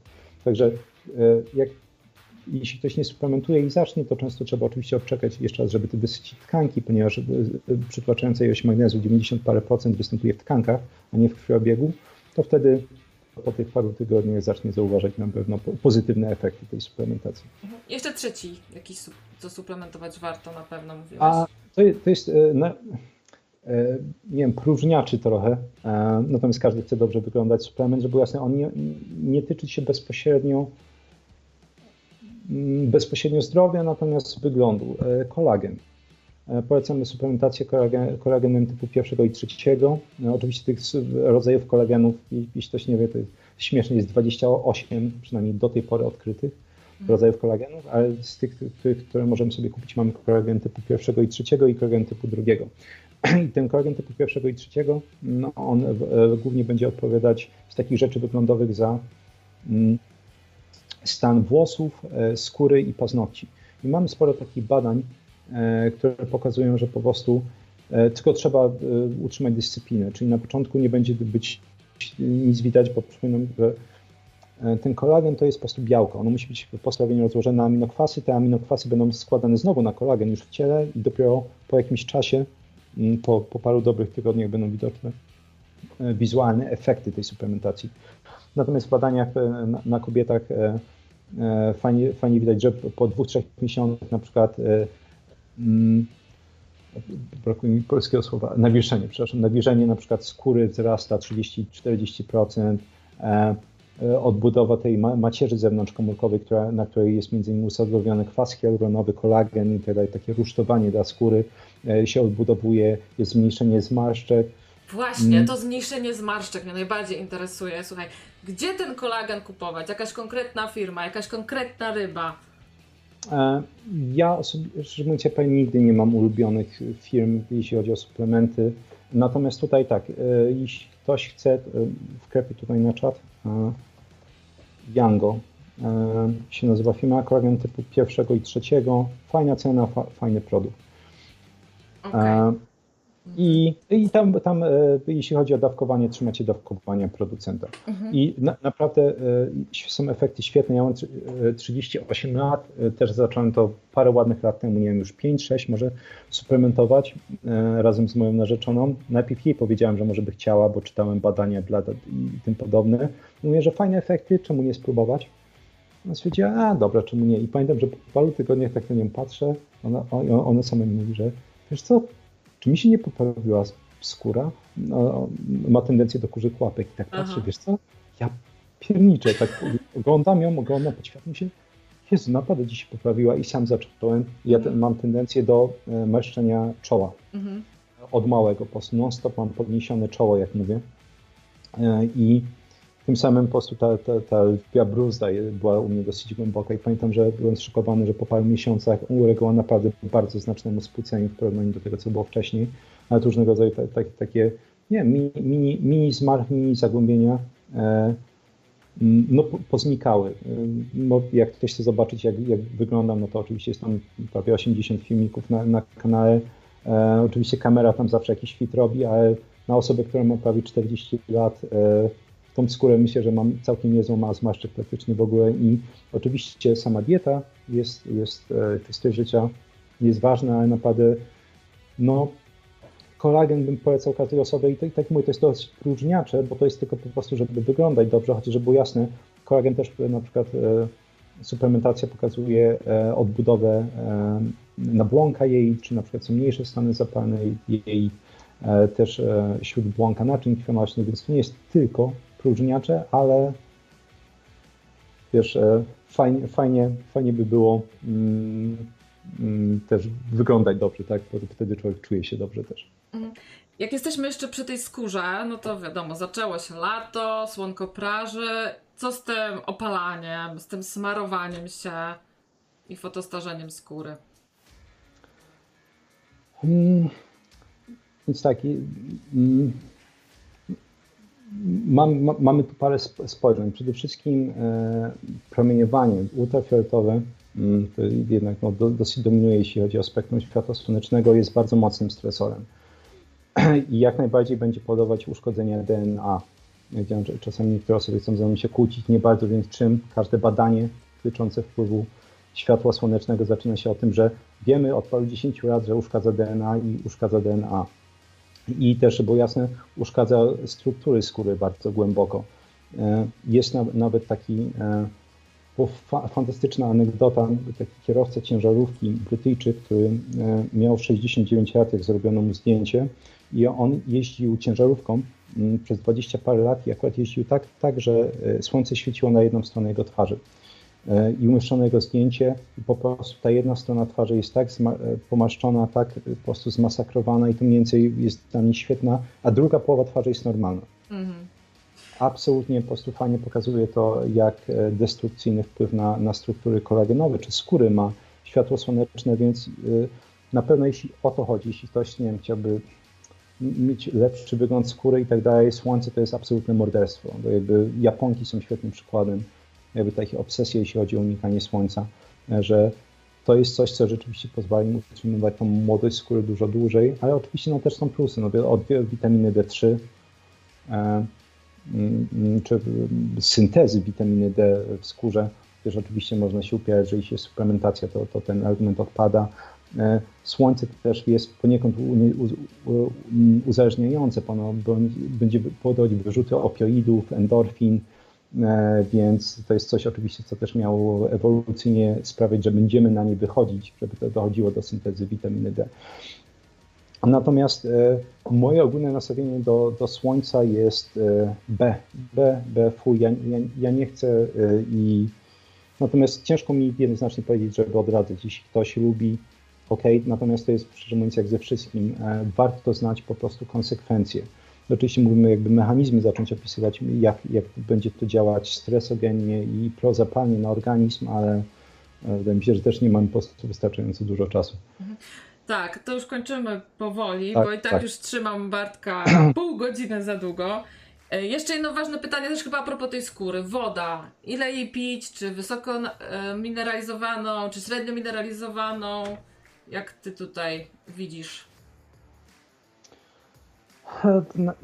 Jeśli ktoś jest zdrowy, a, a jeśli chodzi o regulację um, pragnienia, większość osób na szczęście jest zdrowa, to głównym tak naprawdę motorem nie powinna być, e, czy miarą doboru ilości wody nie powinna być jakaś ilość 2 litry, 1,5 litra i tak dalej, tylko po prostu pragnienie. Mhm.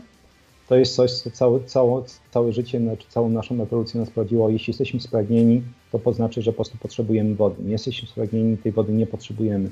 Natomiast te, te, te ilości tej wody gdzieś między 1,5 a 2 litry no to w sumie śmieszne, bo tam pierwszy raz jak próbowałem do tego dotrzeć, to gdzieś tam e, pojawiły się bez żadnego podparcia e, naukowego w jakiejś książeczce e, popularno-naukowej w Stanach Zjednoczonych w latach 50.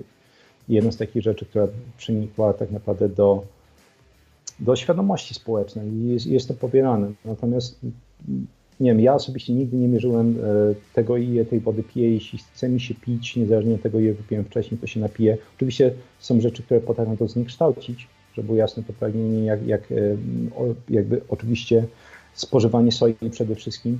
E, spożywanie soi będzie, będzie znacznie zwiększało pragnienie, czy, czy odwodnienie spowodowane alkoholem, natomiast raczej radziłbym kierować się e, zdroworozsądkowym poczuciem tego, że chce mi się pić, bo też jeśli ktoś pije na siłę, a nie chce mi się pić, e, można organizm przewodnić i efekt będzie taki, że będzie zwiększone wydieranie różnego rodzaju składników mineralnych co, co czyli słowy, efekt będzie przeciwny do zamierzonego.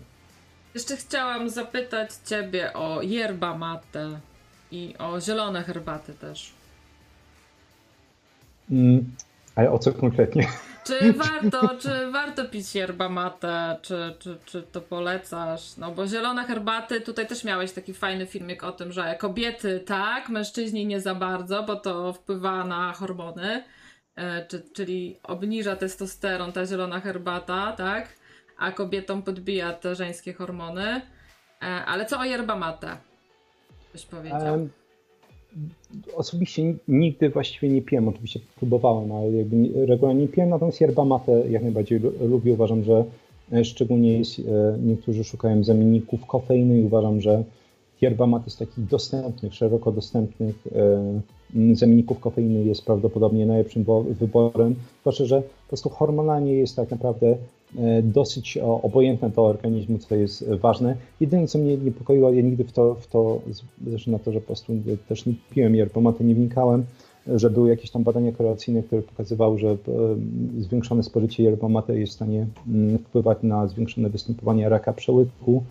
Natomiast e, jeszcze raz, nigdy nie dotarłem, nigdy nie wgryzałem się w to, czy czy po prostu to jest jedna z takich durnych korelacji, jakich pełno w epidemiologii, czy rzeczywiście jest jakiś mechanizm, e, poprzez który yerba mate jest w stanie powodować stan zapalny w przełyku. Także to mogę jako ostrzeżenie zostawić w sensie, żeby ktoś próbował dotrzeć do tego.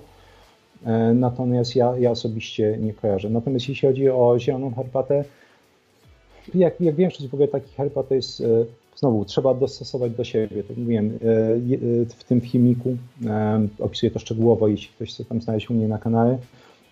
Zielona herbata będzie działać negatywnie na androgeny i też zmniejszać wrażliwość receptorów androgenowych. I teraz dla facetów, oczywiście, którzy regularnie będą pić szczególnie dużej ilości tego, no to jest kłopot. Jeśli ktoś pije raz na jakiś czas, no to będzie absolutnie bez znaczenia dla organizmu. E, no, regularne spożycie może być e, kłopotliwe dla facetów, szczególnie jeśli jest parowane z innymi suplementami czy rzeczami, które ograniczają stężenie testosteronu. w organizmie, czy ogólnie androgenów, co wiele osób jakby nieświadomie jest w stanie jeszcze raz brać rzeczy, nie wiedząc, że one są hormonalnie aktywne. Natomiast u kobiet, szczególnie właśnie, które mają kłopoty metaboliczne, czy w wieku, w wieku okołomenopauzalnym, menopauzalnym, jak najbardziej jest to super, ponieważ w tych przypadkach ilość wolnych androgenów u kobiet zaczyna się zwiększać i ograniczanie tego poziomu, między innymi choćby zieloną herbatą, e, u kobiet będzie pożądane i będzie podawać, że między innymi mniej włosów będzie wypadać. Ostatnie mam pytanie do Ciebie na literkę Z. Czy mhm. nie boisz się porównań do doktora Zięby? Czy takie słyszałeś? Jest, doktor? No tak, wiesz, e, w, aha, aha, w przestrzeni YouTube'owej. E, nie, w, w sensie e, ja mam z jednej strony ja mam taki ambiwalentny dosyć stosunek do, niego. Z jednej, z jednej strony uważam, że zrobił e, parę fajnych rzeczy, bo otworzył na pewno cały dyskurs, bym powiedział praktycznie jedną ręką czy własnoręcznie otworzył dyskurs naukowy w Polsce. Znaczy to, że zaczął pokazywać, że ej, ludzie, czytajcie badania, popatrzcie, badania pokazują, że to i to i to. To jest uważam olbrzymim, olbrzymim sukcesem i, i choćby za to należy, mu się jakieś podziękowanie. A z drugiej strony ilość bzdur mhm. e, paranaukowych, które on z siebie wypluwa, e, szczególnie jeśli chodzi e, o było jakieś tam mm, leczenie nowotworów, jest dla mnie nie do, nie do przełknięcia. Więc widziałem parę takich porównań. Ja nie jestem pewien, szczerze mówiąc, co my, my mamy wspólnego, poza tym, że powołujemy się na badania. Mhm. Jeśli ktoś, nie wiem, posła jakiś tam mój odcinku, czy nawet tutaj, że tak powiem, na żywo widzi, z, jak, z jaką precyzją mogę wypluwać e, różnego rodzaju fakty naukowe, mm, to wydaje mi się, że łatwo założyć różnica jest między innymi właśnie w precyzji i rzeczywistej znajomości e, mechanizmów i osobiście nie obrażę się za porównanie, ale po prostu nie, nie, widzę podstaw do tego porównania, bo całą ścieżkę od edukacji do tego, co, co robiliśmy, mamy naprawdę absolutnie dziko e, inną. No właśnie, mówisz, też uczysz lekarzy tego procesu przyswajania wiedzy, tego uczenia się po prostu. Tak, i, i analizy badań. Tak. E, no i, ale nie jesteś z wykształcenia, nie masz żadnego wykształcenia medycznego, ale udzielałeś konsultacji medycznych. E, jaki e, tutaj, że tak powiem, z branżą e, masz, masz do tego, ma, ludzie z branży medycznej, jaki mają do ciebie stosunek? Um, mogę powiedzieć, jaki mają stosunek z tego, co ja doświadczyłem, bo to jest jedyne, co mogę mm -hmm. powiedzieć, bo oczywiście ciężko powiedzieć, co, co za plecami człowieka się dzieje co szokujące, powiedział bardzo pozytywny, e, że bo jasne, ja oczywiście te, też nie jest tak, że krytykuję jakoś specjalnie lekarzy, ja krytykuję po, po, po prostu biedną wiedzę merytoryczną. E, lekarzy, którzy mają niską wiedzę merytoryczną. No, natomiast ja absolutnie nie stoję nie wiem, w opozycji do lekarzy, tak jak, tak jak Zięba próbuje. Dla po prostu ta moja działalność to jest hej, możemy się wszyscy nauczyć po prostu czegoś od interpretacji badań naukowych poprzez różnego rodzaju mechanizmy, e, więc e, z jednej strony to wiem, że odzew jest pozytywny, e, bo lekarze nawiązują ze mną współpracę. Teraz głównie to już jest w ramach właśnie tego mojego kursu Kuźnia Ekspertów, Experts Incubator. Widzę po prostu jest mnóstwo lekarzy i czasami nawet nie będę podawać specjalizacji, bo jeden był taki pan, który ma specjalizację, który jest dosłownie parę dziesiąt lekarzy na całą Polskę o parę dziesiąt, a, aż, aż taka jest e, szczegółowa. Po prostu widzę, że lekarze, bo tam wysyłam ankietę przedstępną i ludzie piszą, że jestem lekarzem, właśnie znalazłem się opłatnika, świetna wiedza. E, mnóstwo osób właśnie mówi, że dowiedziało się czegoś nowego. E, po komentarzach widzę, że są pozytywne. Miałem z tych negatywnych rzeczy tak naprawdę jedyne, czego doświadczyłem, to są, a już nie pamiętam, bo czasem też te, te złe rzeczy człowiek wypiera, na pewno e, dwa maile miałem, że po prostu ktoś mi napisał, że jestem, jednego pamiętam, że to był doktor urologii. Mhm. Napisał, że opowiadam bzdury w filmiku, w którym tłumaczę, że 120 na 80 to nie, nie jest ciśnienie normatywne, bo wiemy z podręczników, mhm. że ciśnienie normatywne to, to, to nie jest konkretny punkt, tylko to jest skala, która zaczyna się po prostu, e, czy kończy się na 120, ciśnieniu 120 na 80. E, idealnie na zasadzie to jest, bo było bardziej śmieszne, bo jeśli ktoś chce się kłócić ze mną, na temat czegoś, co można sprawdzić naprawdę w internecie w dwie minuty, że mówimy o skali, a nie o jakimś punktowym ciśnieniu, które jest rzekomo idealne, to nie ma o czym gadać. I jeszcze inna osoba, która e, jak, jak, jakieś ta, tam e, nieprzyjemne rzeczy mi powiedziały, natomiast tak naprawdę mm, mi powiedział, sam jestem zszokowany, bardzo, bardzo pozytywny e, odzew, jeśli chodzi o, o tą moją działalność. Słuchaj, ja życzę Ci powodzenia e, w tej Twojej działalności, przede wszystkim edukacyjnej, tak, którą tutaj robisz na YouTubie. Sam publikujesz raz w tygodniu filmiki. E, no i chętnie właśnie od, odpowiadasz na zaproszenia innych kanałów, czego jesteśmy tutaj dzisiaj najlepszym dowodem. Staram się. Bardzo Ci chciałam podziękować za ten, ten czas, który nam poświęciłeś i tak go przekroczyliśmy ostro, ale wielkie dzięki. Tobie i Wam, słuchacze, tutaj za czatowanie. Przepraszam owocowego, że go nie odebrałam, ale już dzwonił po 22, a myśmy mieli być tylko dwie godziny. E, więc owocowe my się umówimy na następną audycję, bo temat zdrowia, zdrowego odżywiania to temat rzeka. Także chętnie tak do niego powrócę. A Tobie, Bartku, dziękuję bardzo za ten wieczór. No i polecam wszystkim kanał Bartka, Bartosz Czekała. Słuchajcie oglądajcie, no i poprawiajcie swoje zdrowie, po prostu. Dzięki, dzięki piękne za zaproszenie i dzięki wszystkim za siedzenie z nami aż do takiej późnej godziny. Mam nadzieję, że coś tam ciekawego się, się każdy dowiedział. Dzięki wielkie za tą Twoją pigułkę żywieniowo-zdrowotną i do usłyszenia niebawem ze wszystkimi. Trzymajcie się, pa. Do usłyszenia.